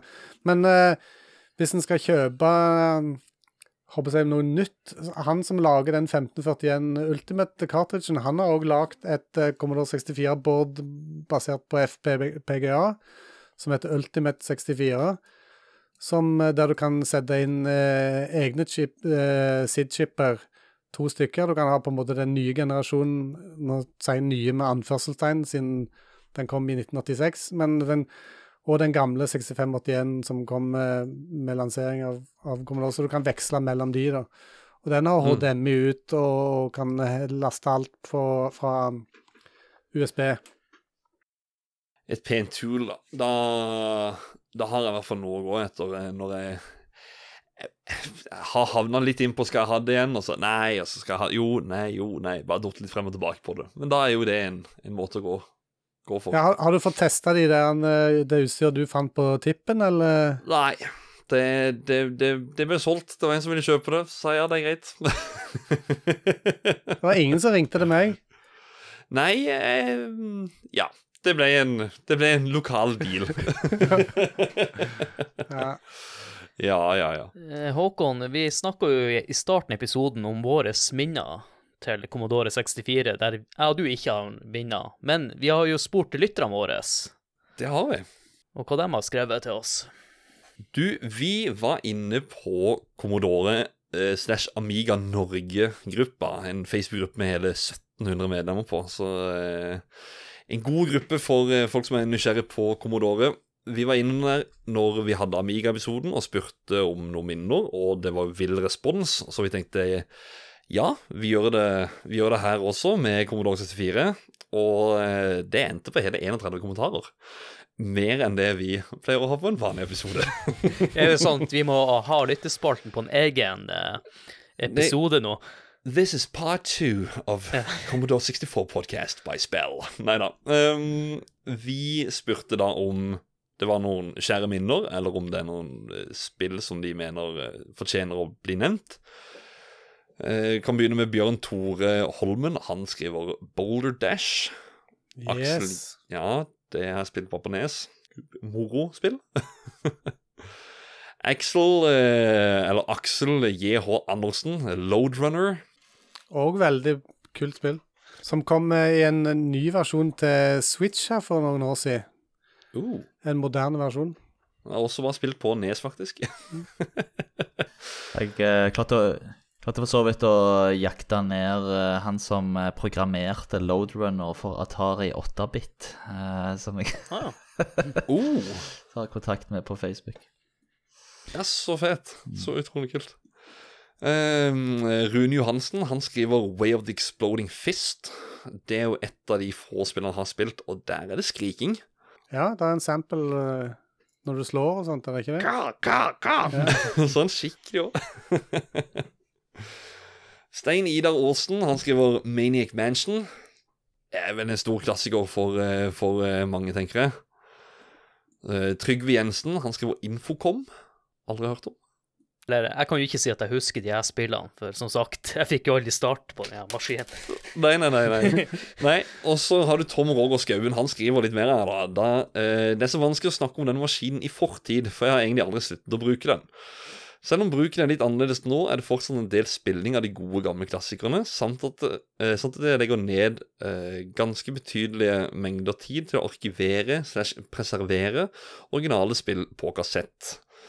Eh, Et av de beste minnene må vel være Martin Gal Galway sine briljante låter som ble brukt i tapelånerne på Ocean slash Imagine-spill frem til mot siste halvdel av 80-tallet. Og det var vel det du snakka om, Ketil, den eh, Ocean Orderen. Mm, stemmer det. Tidligere nevnt Trond Sinfor Borgersen. Dette er min barndom. Selv om det starten med Vik 20, så er det Commodore 64 som står aller høyest eh, som beste barndomsminner. Eh, Her kan det nevnes spill i fleng som ble spilt solo eller sammen med kompiser. Han ramser opp sine topp fem spill. Det er The Last Ninja, det er Park Patrol, The Great Giana Sisters, Spy vs. Spy 3 og Grand Prix 2. Kunne ramset opp 30 til, men please, spill av noe musikk fra den digge Sid-chipen. Eh, Trond, det har vi allerede gjort. Ja, Nå må du høre etter Trond. sånn. Nå må du høre etter. Hallo! Ikke stille dumme spørsmål. Um, nei da. Uh, men Spy vs. Spy 3, det var ikke jeg klar over at eksisterte. Jeg trodde det bare var det ene, som er basert på Mac, eller nei, nei eh, Mad. uh, eller var med i comicbooken Mad. Den treeren var det det foregikk vel på Arktis eller noe sånt, tror jeg. Hvis jeg husker rett. Da kunne du lage sånn feller at du gravde Eller skar hull i isen, sånn at når han andre kom gående, så datt han gjennom isen. Et eller annet, oh. tror jeg. Så Ja. det, konseptet var ganske likt sånn som de tidligere to, men, men, eh, men det var et annet sted du var, liksom. Uh, Kolbjørn eh, eh, Nas, eller Nås Bjørnhaug, han skriver Ghost and Goblins. Det, ja, det var jo egentlig et spill jeg skulle nevne. Det ble aldri nevnt. Men eh, jeg foretrekker faktisk Commodore 64-versjonen uh, fremfor Nes. Og det er ikke ofte jeg gjør. Faktisk. Jeg visste ikke at det var Det Commodore. Ganske vanskelig uh, arcade conversion, den der. Den, uh, det jeg husker jeg sleit mye med det. Beste musikken til Ghost and Goblins syns jeg også er fra eh, C64-versjonen. Kan også trekke frem at jeg syns musikken eh, til Bubble Bobble er best på Commodore 64. Ja. Så har jeg fått sagt det, i hvert fall. Ja. Geir Inge Høsteng han skriver Loadrunner, Raid on Bungling Bay, Spelunker og mange flere. Spelunker, kongespillsystem. Spilte også på Nes. Marius Nordsve, min første opplevelse var Star Wars, men som vi ikke fikk til å funke. Så da ble det The Halls of Things og Super Game Cartridge. Det er Super Games Cartridge. Ja, Star Wars som ikke fikk til å funke. Det, det er stas. Jeg tror det er mange som har den opplevelsen at de ikke fikk ting å funke, akkurat som Adrian uh, hadde. Ja, han, han, han, han var ikke stille nok når de spilte av tapen. Det var det det var. Nei, vi prata for mye. Ja. Trond Henriksen han skriver Bluemax. Oh. Klassiker, det. Og under her så er det Erlend Fiddan som kommer med en litt lengre historie. Eh, vi fikk C64 i hus så sent som julen 88, og der startet alt av interesse for både spill og datamaskiner på generell basis for min del. Fremdeles holder jeg C64 som min favorittdatamaskin. Hvis jeg blir nødt til å plukke ut bare ett enkelt spill, så sier jeg The Way of the Exploding Fist, akkurat som Rune Johansen her oppe. Jeg har alltid likt slåssespill, men grunnen til Exploding, uh, Exploding Fist kommer øverst, er uh, todelt. Det første og åpenbare er gameplayet. Det finnes ingen andre spill som er helt som Exploding Fist. Det går ganske sakte sammenlignet med f.eks. International Karate Pluss. Og det handler om å få inn det første treffet. Derfor blir det eh, mye ta og føde på før man hogger det til. Eh, dessuten vil jeg fremheve musikken. Det er tre tunes i spillet. En for introen, som virkelig setter stemningen, og utrolig kul. En for singelplayeren, som er ganske laidback og avslappa, men fortsatt kul. Og så er det en egen låt for toplayeren, som er mer intens, men også veldig kul. Passer perfekt til stemningen man vil oppnå i alle tre tilfeller. Det skal også nevnes at jeg hadde dette spillet på en kassett. Tror den het Hitbusters, sammen med mange andre spill. Exploding Fist var det første spillet i rekka, og det hadde en Space Invader-klone eh, som loadespill. Det bidro nok også at jeg eh, likte hele pakka der så godt. Det er et eh, spill med fin musikk, ja, men det er den der skrikinga som fikk meg til å slå det av, faktisk. Må skru ned volumet litt. Der Ja. kom jo òg en Fist 2, som var på en måte oppfølgeren, som var, der de endra litt på gameplayet. Det spillet er faktisk det eneste spillet jeg hadde som eh, challenge i eh, tidligere nevnt Spillklubben. Facebook-gruppa som jeg drev en gang i tida. Da hadde vi en, en eh, måneds challenge i beste score på det. Det var ikke mer enn to-tre runder med skriking, så måtte jeg legge det framme. Øyvind Nindal, eh, Sakosek, Buggyboy, Smågodt, uh, JN Sisters, Push og Jumpman Junior. Ja. Ja. Jeg tror faktisk han sa Jumpman var. Sakosek som mitt spill. Jeg tenkte jo med en gang på den sakkosekken som jeg Ja, jeg tenkte sakkosekkspillen. Da tenkte jeg OK, yes, og Buggyboy, men smågodt, ja. Jeg tror nok han var tilbake på 80-tallet eller tidlig 90-tallet og koste seg. Ja, jeg, jeg likte Jeg må bare si den sakkosekken. eh, Man blir så jævla svett av de 80-tallssakkosekkene, for alle var i sånn skinn et eller annet. Ja, sånn som fake har- Shin Sky eller noe sånt. Så jeg regner med jeg hadde noen klamme baller mens jeg satt og spilte der. Hallgeir Holst kommer også med litt lenger enn. Eh, han har masse gode minner. Dette er da uten tvil min favorittmaskin. Dette er en uh, historie da jeg og kompisen min skulle til byen, Haugesund, og kjøpe min første Commodore 64 alene. Husker det var skummelt og stress. Vi var sikkert 11-12 år. Det som er hovedgrunnen til at jeg husker dette så godt, er nok at når vi skal ta bussen hjem, eh, så hadde jeg ikke nok penger til bussen. Jeg husker enda hvordan hjertet sank og tårene begynte. Jeg Tror nok bussjåføren syntes litt synd på meg og sa at det var greit. Eh, Da ble jeg superfornøyd, glad, eh, superglad, husker jeg. He-he, good times.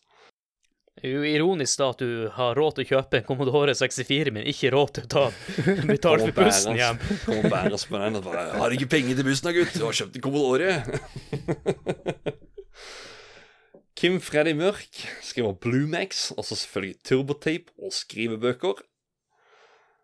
Eh, Espen Skog han fortsetter også med skrivebøkene, med, med lister over spill. Eh, spillbøkene med, med lister over spill er klassikere. Får låne boka det gjelder, så bytter man på skolen. Piratskole Deluxe. Jeg nominerer Mega Apocalypse. Eh, Geir Teigo, swapping over landegrensen etter, eh, etter avertering i blad. Med store bokstaver. Var det et blad, eller var det et eh, Det var ikke sånn i, i avisen i gamle dager at du kan ha annonser. I stedet for å søke partner, søker eh, en å dele mine Commodore-spill med.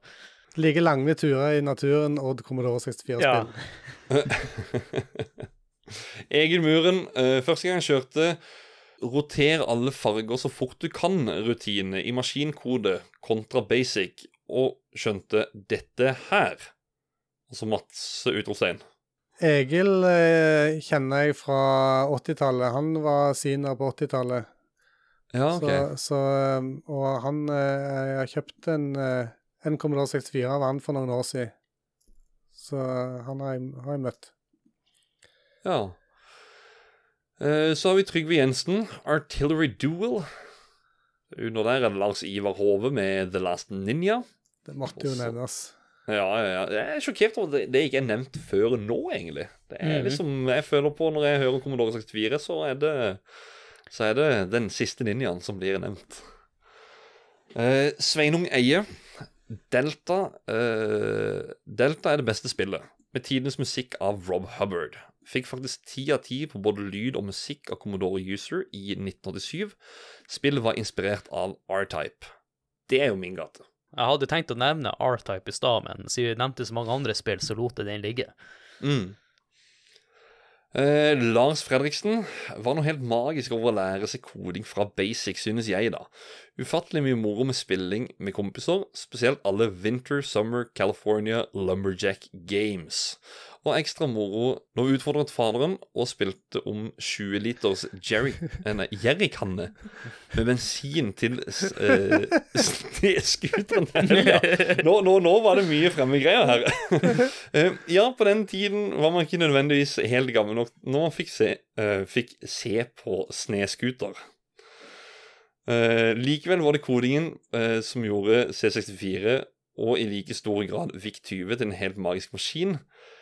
Det at det plutselig gikk opp for alle eh, som knasket inn minst ett program eller ti at hei, eh, jeg kan kontrollere den greia her, fikk nok mang en liten knott til å drømme om spillutvikling, berømmelse og rikdom.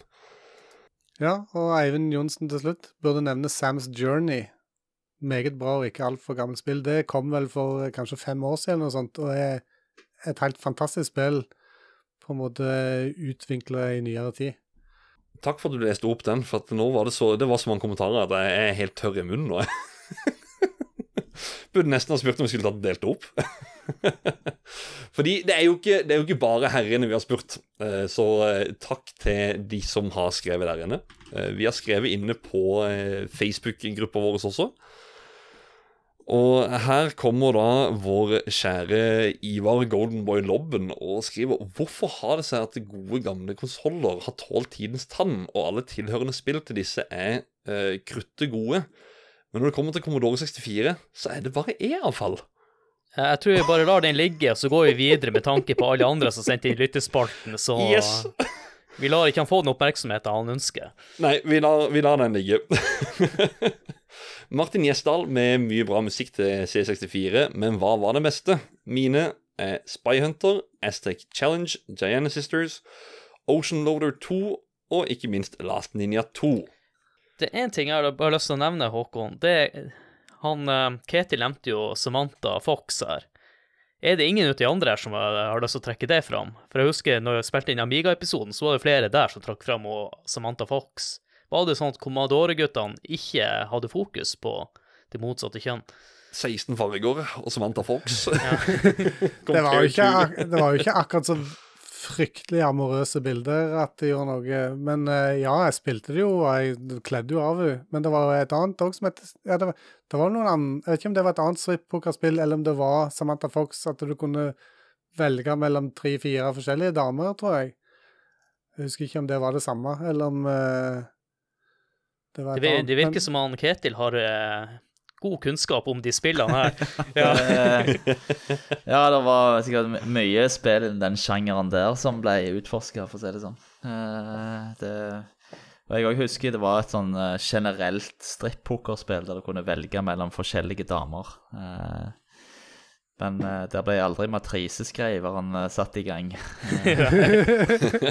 For å si det sånn, når vi skal ha en uh, strippokerspesial her på spill, så er han Ketil uh, selvfølgelig gjest.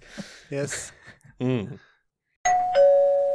Hei, hei, hei. Dette er Håkon i Post Production. Jeg vil bare titte innom her og si beklager. Uh, under denne spørsmålsspalten så det var så mye svar å få inne på Commodore Amiga-gruppa at jeg rett og slett glemte discorden. Der var det en mann, Terje, en mann som jeg vet elsker denne Nå holdt jeg på å si konsollen, men jeg mener maskinen. Så da tenkte jeg vi kan ikke gå glipp av dette her. Så siden Terje var den eneste som skrev inne på Discord også, så skal han få litt ekstra her. Så DJ på musikken. Mer klang på stemmen min. Let's go. Commandore 64-konsollen, ja. Den har jeg så vidt hørt litt om, i og med at den var en del av oppveksten min. Den ble kjøpt av min far da den var ganske ny en gang i 1983, tror jeg. Moren min skulle bruke den til regnskapsføring, annet. Det ble det ikke noe av. Jeg og søsknene mine ble raskt frelst. Jeg mer enn de andre, skulle det vise seg. Det var bare en liten periode på 90-tallet jeg ikke hadde en maskin stående. Nå har jeg flere forskjellige modeller som stadig er i bruk ved hjelp av litt mer moderne hjelpemidler, som 1541 Ultimate Carton, som jeg vedder på er blitt snakket om allerede i denne episoden. For min del gikk det mest i spill. Jeg programmerte litt i basic etter manualen, men lærte aldri å programmere ordentlig. Så er noen en annen demo også, men forsto egentlig ikke hva de var før jeg gikk over til Amiga på 90-tallet. Definitivt mest spillnerd i oppveksten. Og ja, jeg vender stadig tilbake til de gamle klassikerne, og prater gjerne om dem til kjedsommelige, til mer eller mindre motvillige tilhørere. Jeg er også mye av musikken, så klart. Dere har helt sikkert vært innom flere av komponistene alt også, som var pionerer til tidlig spillmusikk. Husker jeg tok opp en del av det på kassett ved å ha en bærbar kassettspiller stående ved siden av TV-en og var musestille mens den tok opp. Og jeg klikka i vinkel hvis noen kom inn og forstyrra. Jeg hadde med kassettene i Walkman denne gangen, og har musikken fortsatt med meg nå om dagen. Bortsett fra at kassettene er bytta ut med MP3-filer, og Walkman nå er en smarttelefon. Jeg kan nok også ramse opp en vegg av favorittspilltitler og komponister, så jeg lar det heller bli med at jeg var nok borti det meste som fantes av klassikere. Punti blir sur nå når innleggene blir for lange. og vet du hva? Det som dere som hører på, ikke vet, det er at jeg sa til Terje Terje, som alltid, du kommer med et godt og langt innlegg. Han sa det. Jeg måtte faktisk korte det ned veldig, for denne maskinen her, den er ganske skjær for meg. Så tusen takk, Terje. Tilbake til episoden.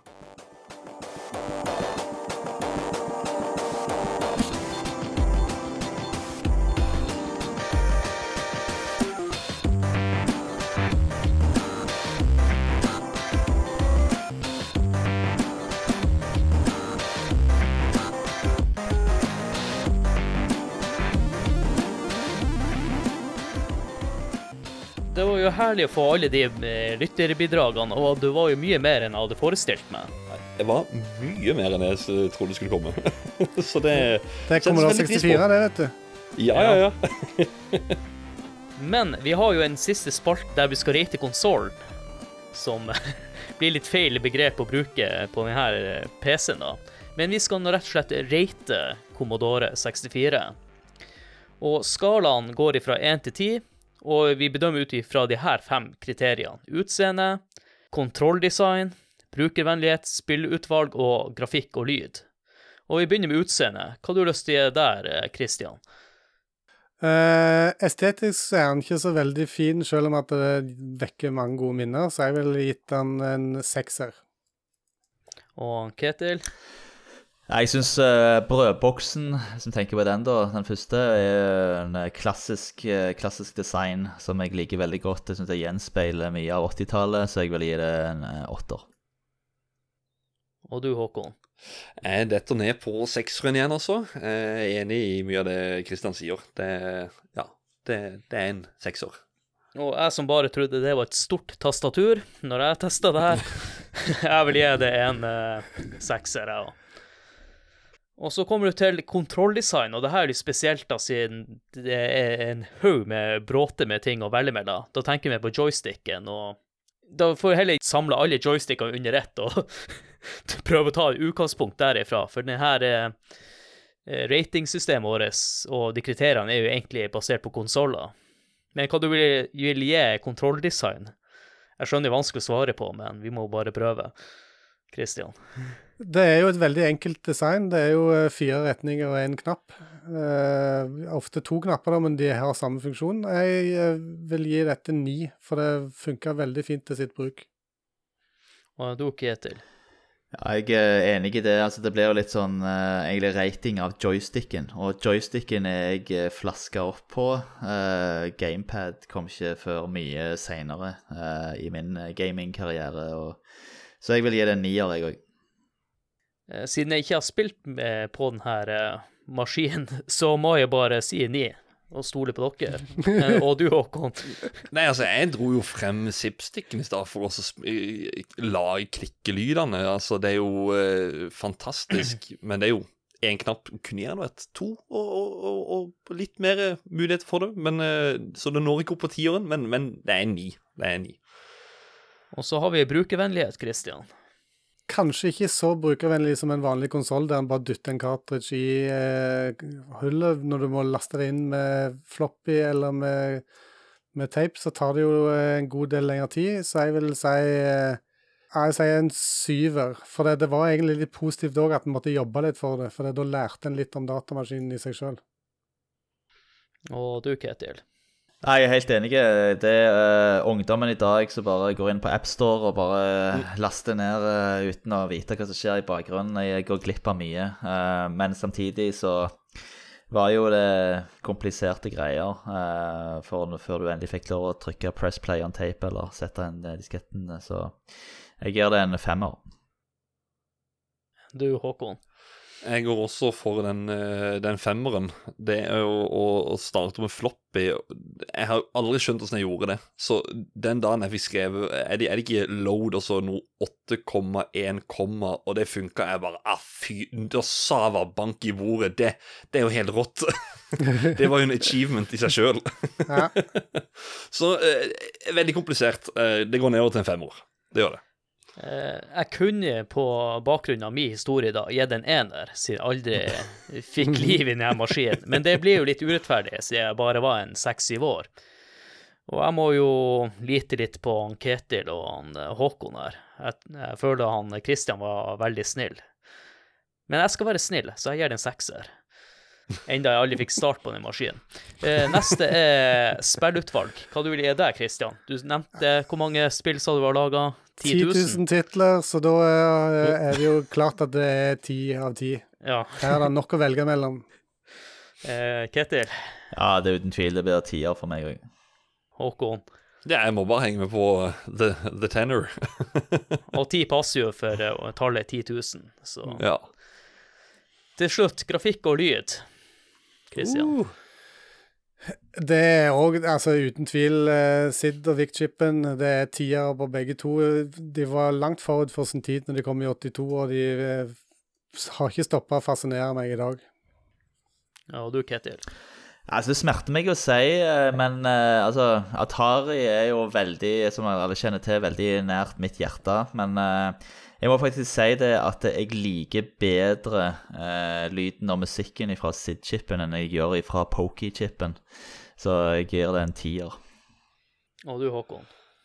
Eh, som jeg sa i Amiga 500-episoden, at det er liksom sånn Nå står, nå står Kristian og vifter med to fulle hender her, sier ti. Jeg sier Det er noe med gråtonene i de fargene som bare sånn mm, Det når ikke helt opp. Så 9,5. Den, altså, altså, altså den, den, Der kom det ordet. Yes.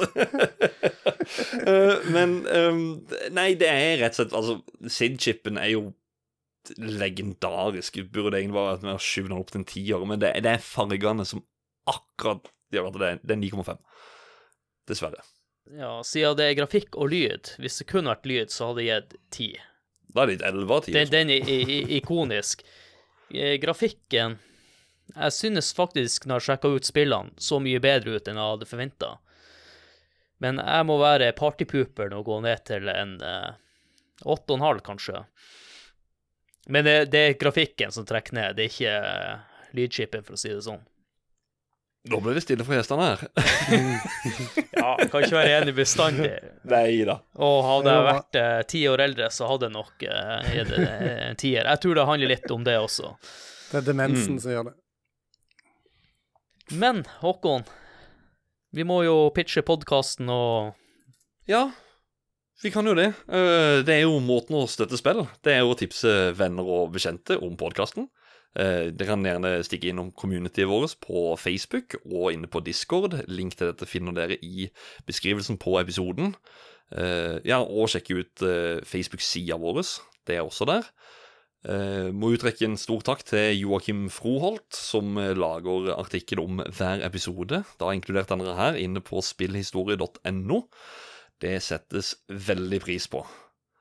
Og hvis folk er interessert i eh, å kjøpe julegaver og ikke har, vet ikke helt hva de skal kjøpe, kjøpe, så har vi jo en liten store på Spreadshirt, hvor Det dere kan få tak i alt mulig fra kaffekopper til T-skjorte. Den nevner vi sjelden, men den ligger også link til. Så det, gå inn og kjøp en kaffekopp til, til, til far, eller en T-skjorte til, til kiden, eller Ja, ja, ja. Og så må vi jo trekke fram eh, de podkastene gjestene våre som er i. Du kan jo høre han Christian i Ragequit, og noen ganger også i Lolbua. Og eh, i han Ketil, han har kanskje noen hørt fra før av, er jo med i Radcrew og Retro Crew. Men det er jo en stund siden du har vært med på Radcrew nå. Ja, nå har det vært så mye andre greier, og livet har tatt overhånd. Men eh, jeg tenker nå, eh, i starten av nyåret nå, så blir det en uh, Retro-crew reboot. Eh, vi planlegger ti episoder, der episode én kommer til å komme eh, i løpet av eh, januar. Eh, der kommer det til å være Nintendo versus Sega, The Battle of the Titans, som kommer til å være tema. Oh, det er en hard kamp. Ja, det har- Men du har vel også flere på Det er Retro Crew, og så har det vært eh, noe Rewind da, har jeg ikke? Jo, vi hadde jo Rad Crew Rewind uh, nå i år, Uh, der vi Mm. snakket om filmer fra 80- og 90-tallet som uh, medlemmene fra communityet stemte fram. Uh, noen filmer vi skulle snakke om innenfor ulike kategorier. Så det var, en, det var utrolig kjekt å se Sitte ned med Rad Crew-gjengen, se filmen og, og, og snakke om den etterpå. og og, da komme med en karakter da, i form av antall laserdisker. Så det, det var det. Ja, ja, ja laserdisker, selvfølgelig. det er jo kjempebra. Og med det så vil jeg jo bare si tusen takk til deg, Kristian, for at du kunne stille på denne episoden, og det var en fornøyelse å ha deg med. Bare hyggelig. Takk for at jeg fikk være med. Ja, og jeg vil også si det samme til deg, Ketil. Tusen takk for at du kunne være med på denne episoden, og det var en fornøyelse å ha deg også med. Tusen takk for invitasjonen, og jeg kommer gjerne tilbake. Ja, Dere er velkomne begge to, og det var en fornøyelse å være med, Adrian. Jeg skal si det før du sier takk til meg. Yes! Jeg sniker deg i eh, Nei, eh, ja, sniker foran. Boom. Og før jeg sier ha det, så vil jeg si tusen hjertelig takk for at du hørte på denne episoden. Og da sier jeg bare ha det. Ja, ha det. ha det. When it comes to video games, nobody compares to Atari. I find Intellivision more sophisticated and lifelike. Gentlemen, move over for my friend Commodore Home Computer System. Commodore does more than your machine. Are you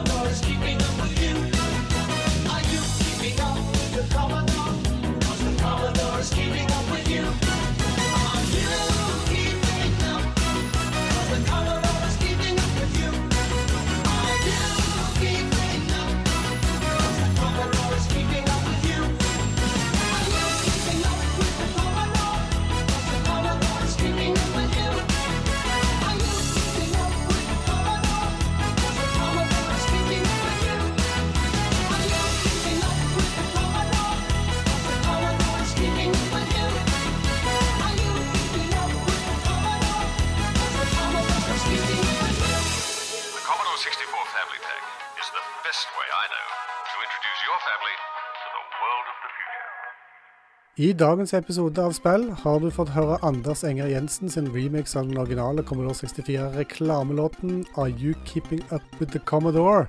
I tillegg har du fått høre noen native Commodore 64 SID-tunes.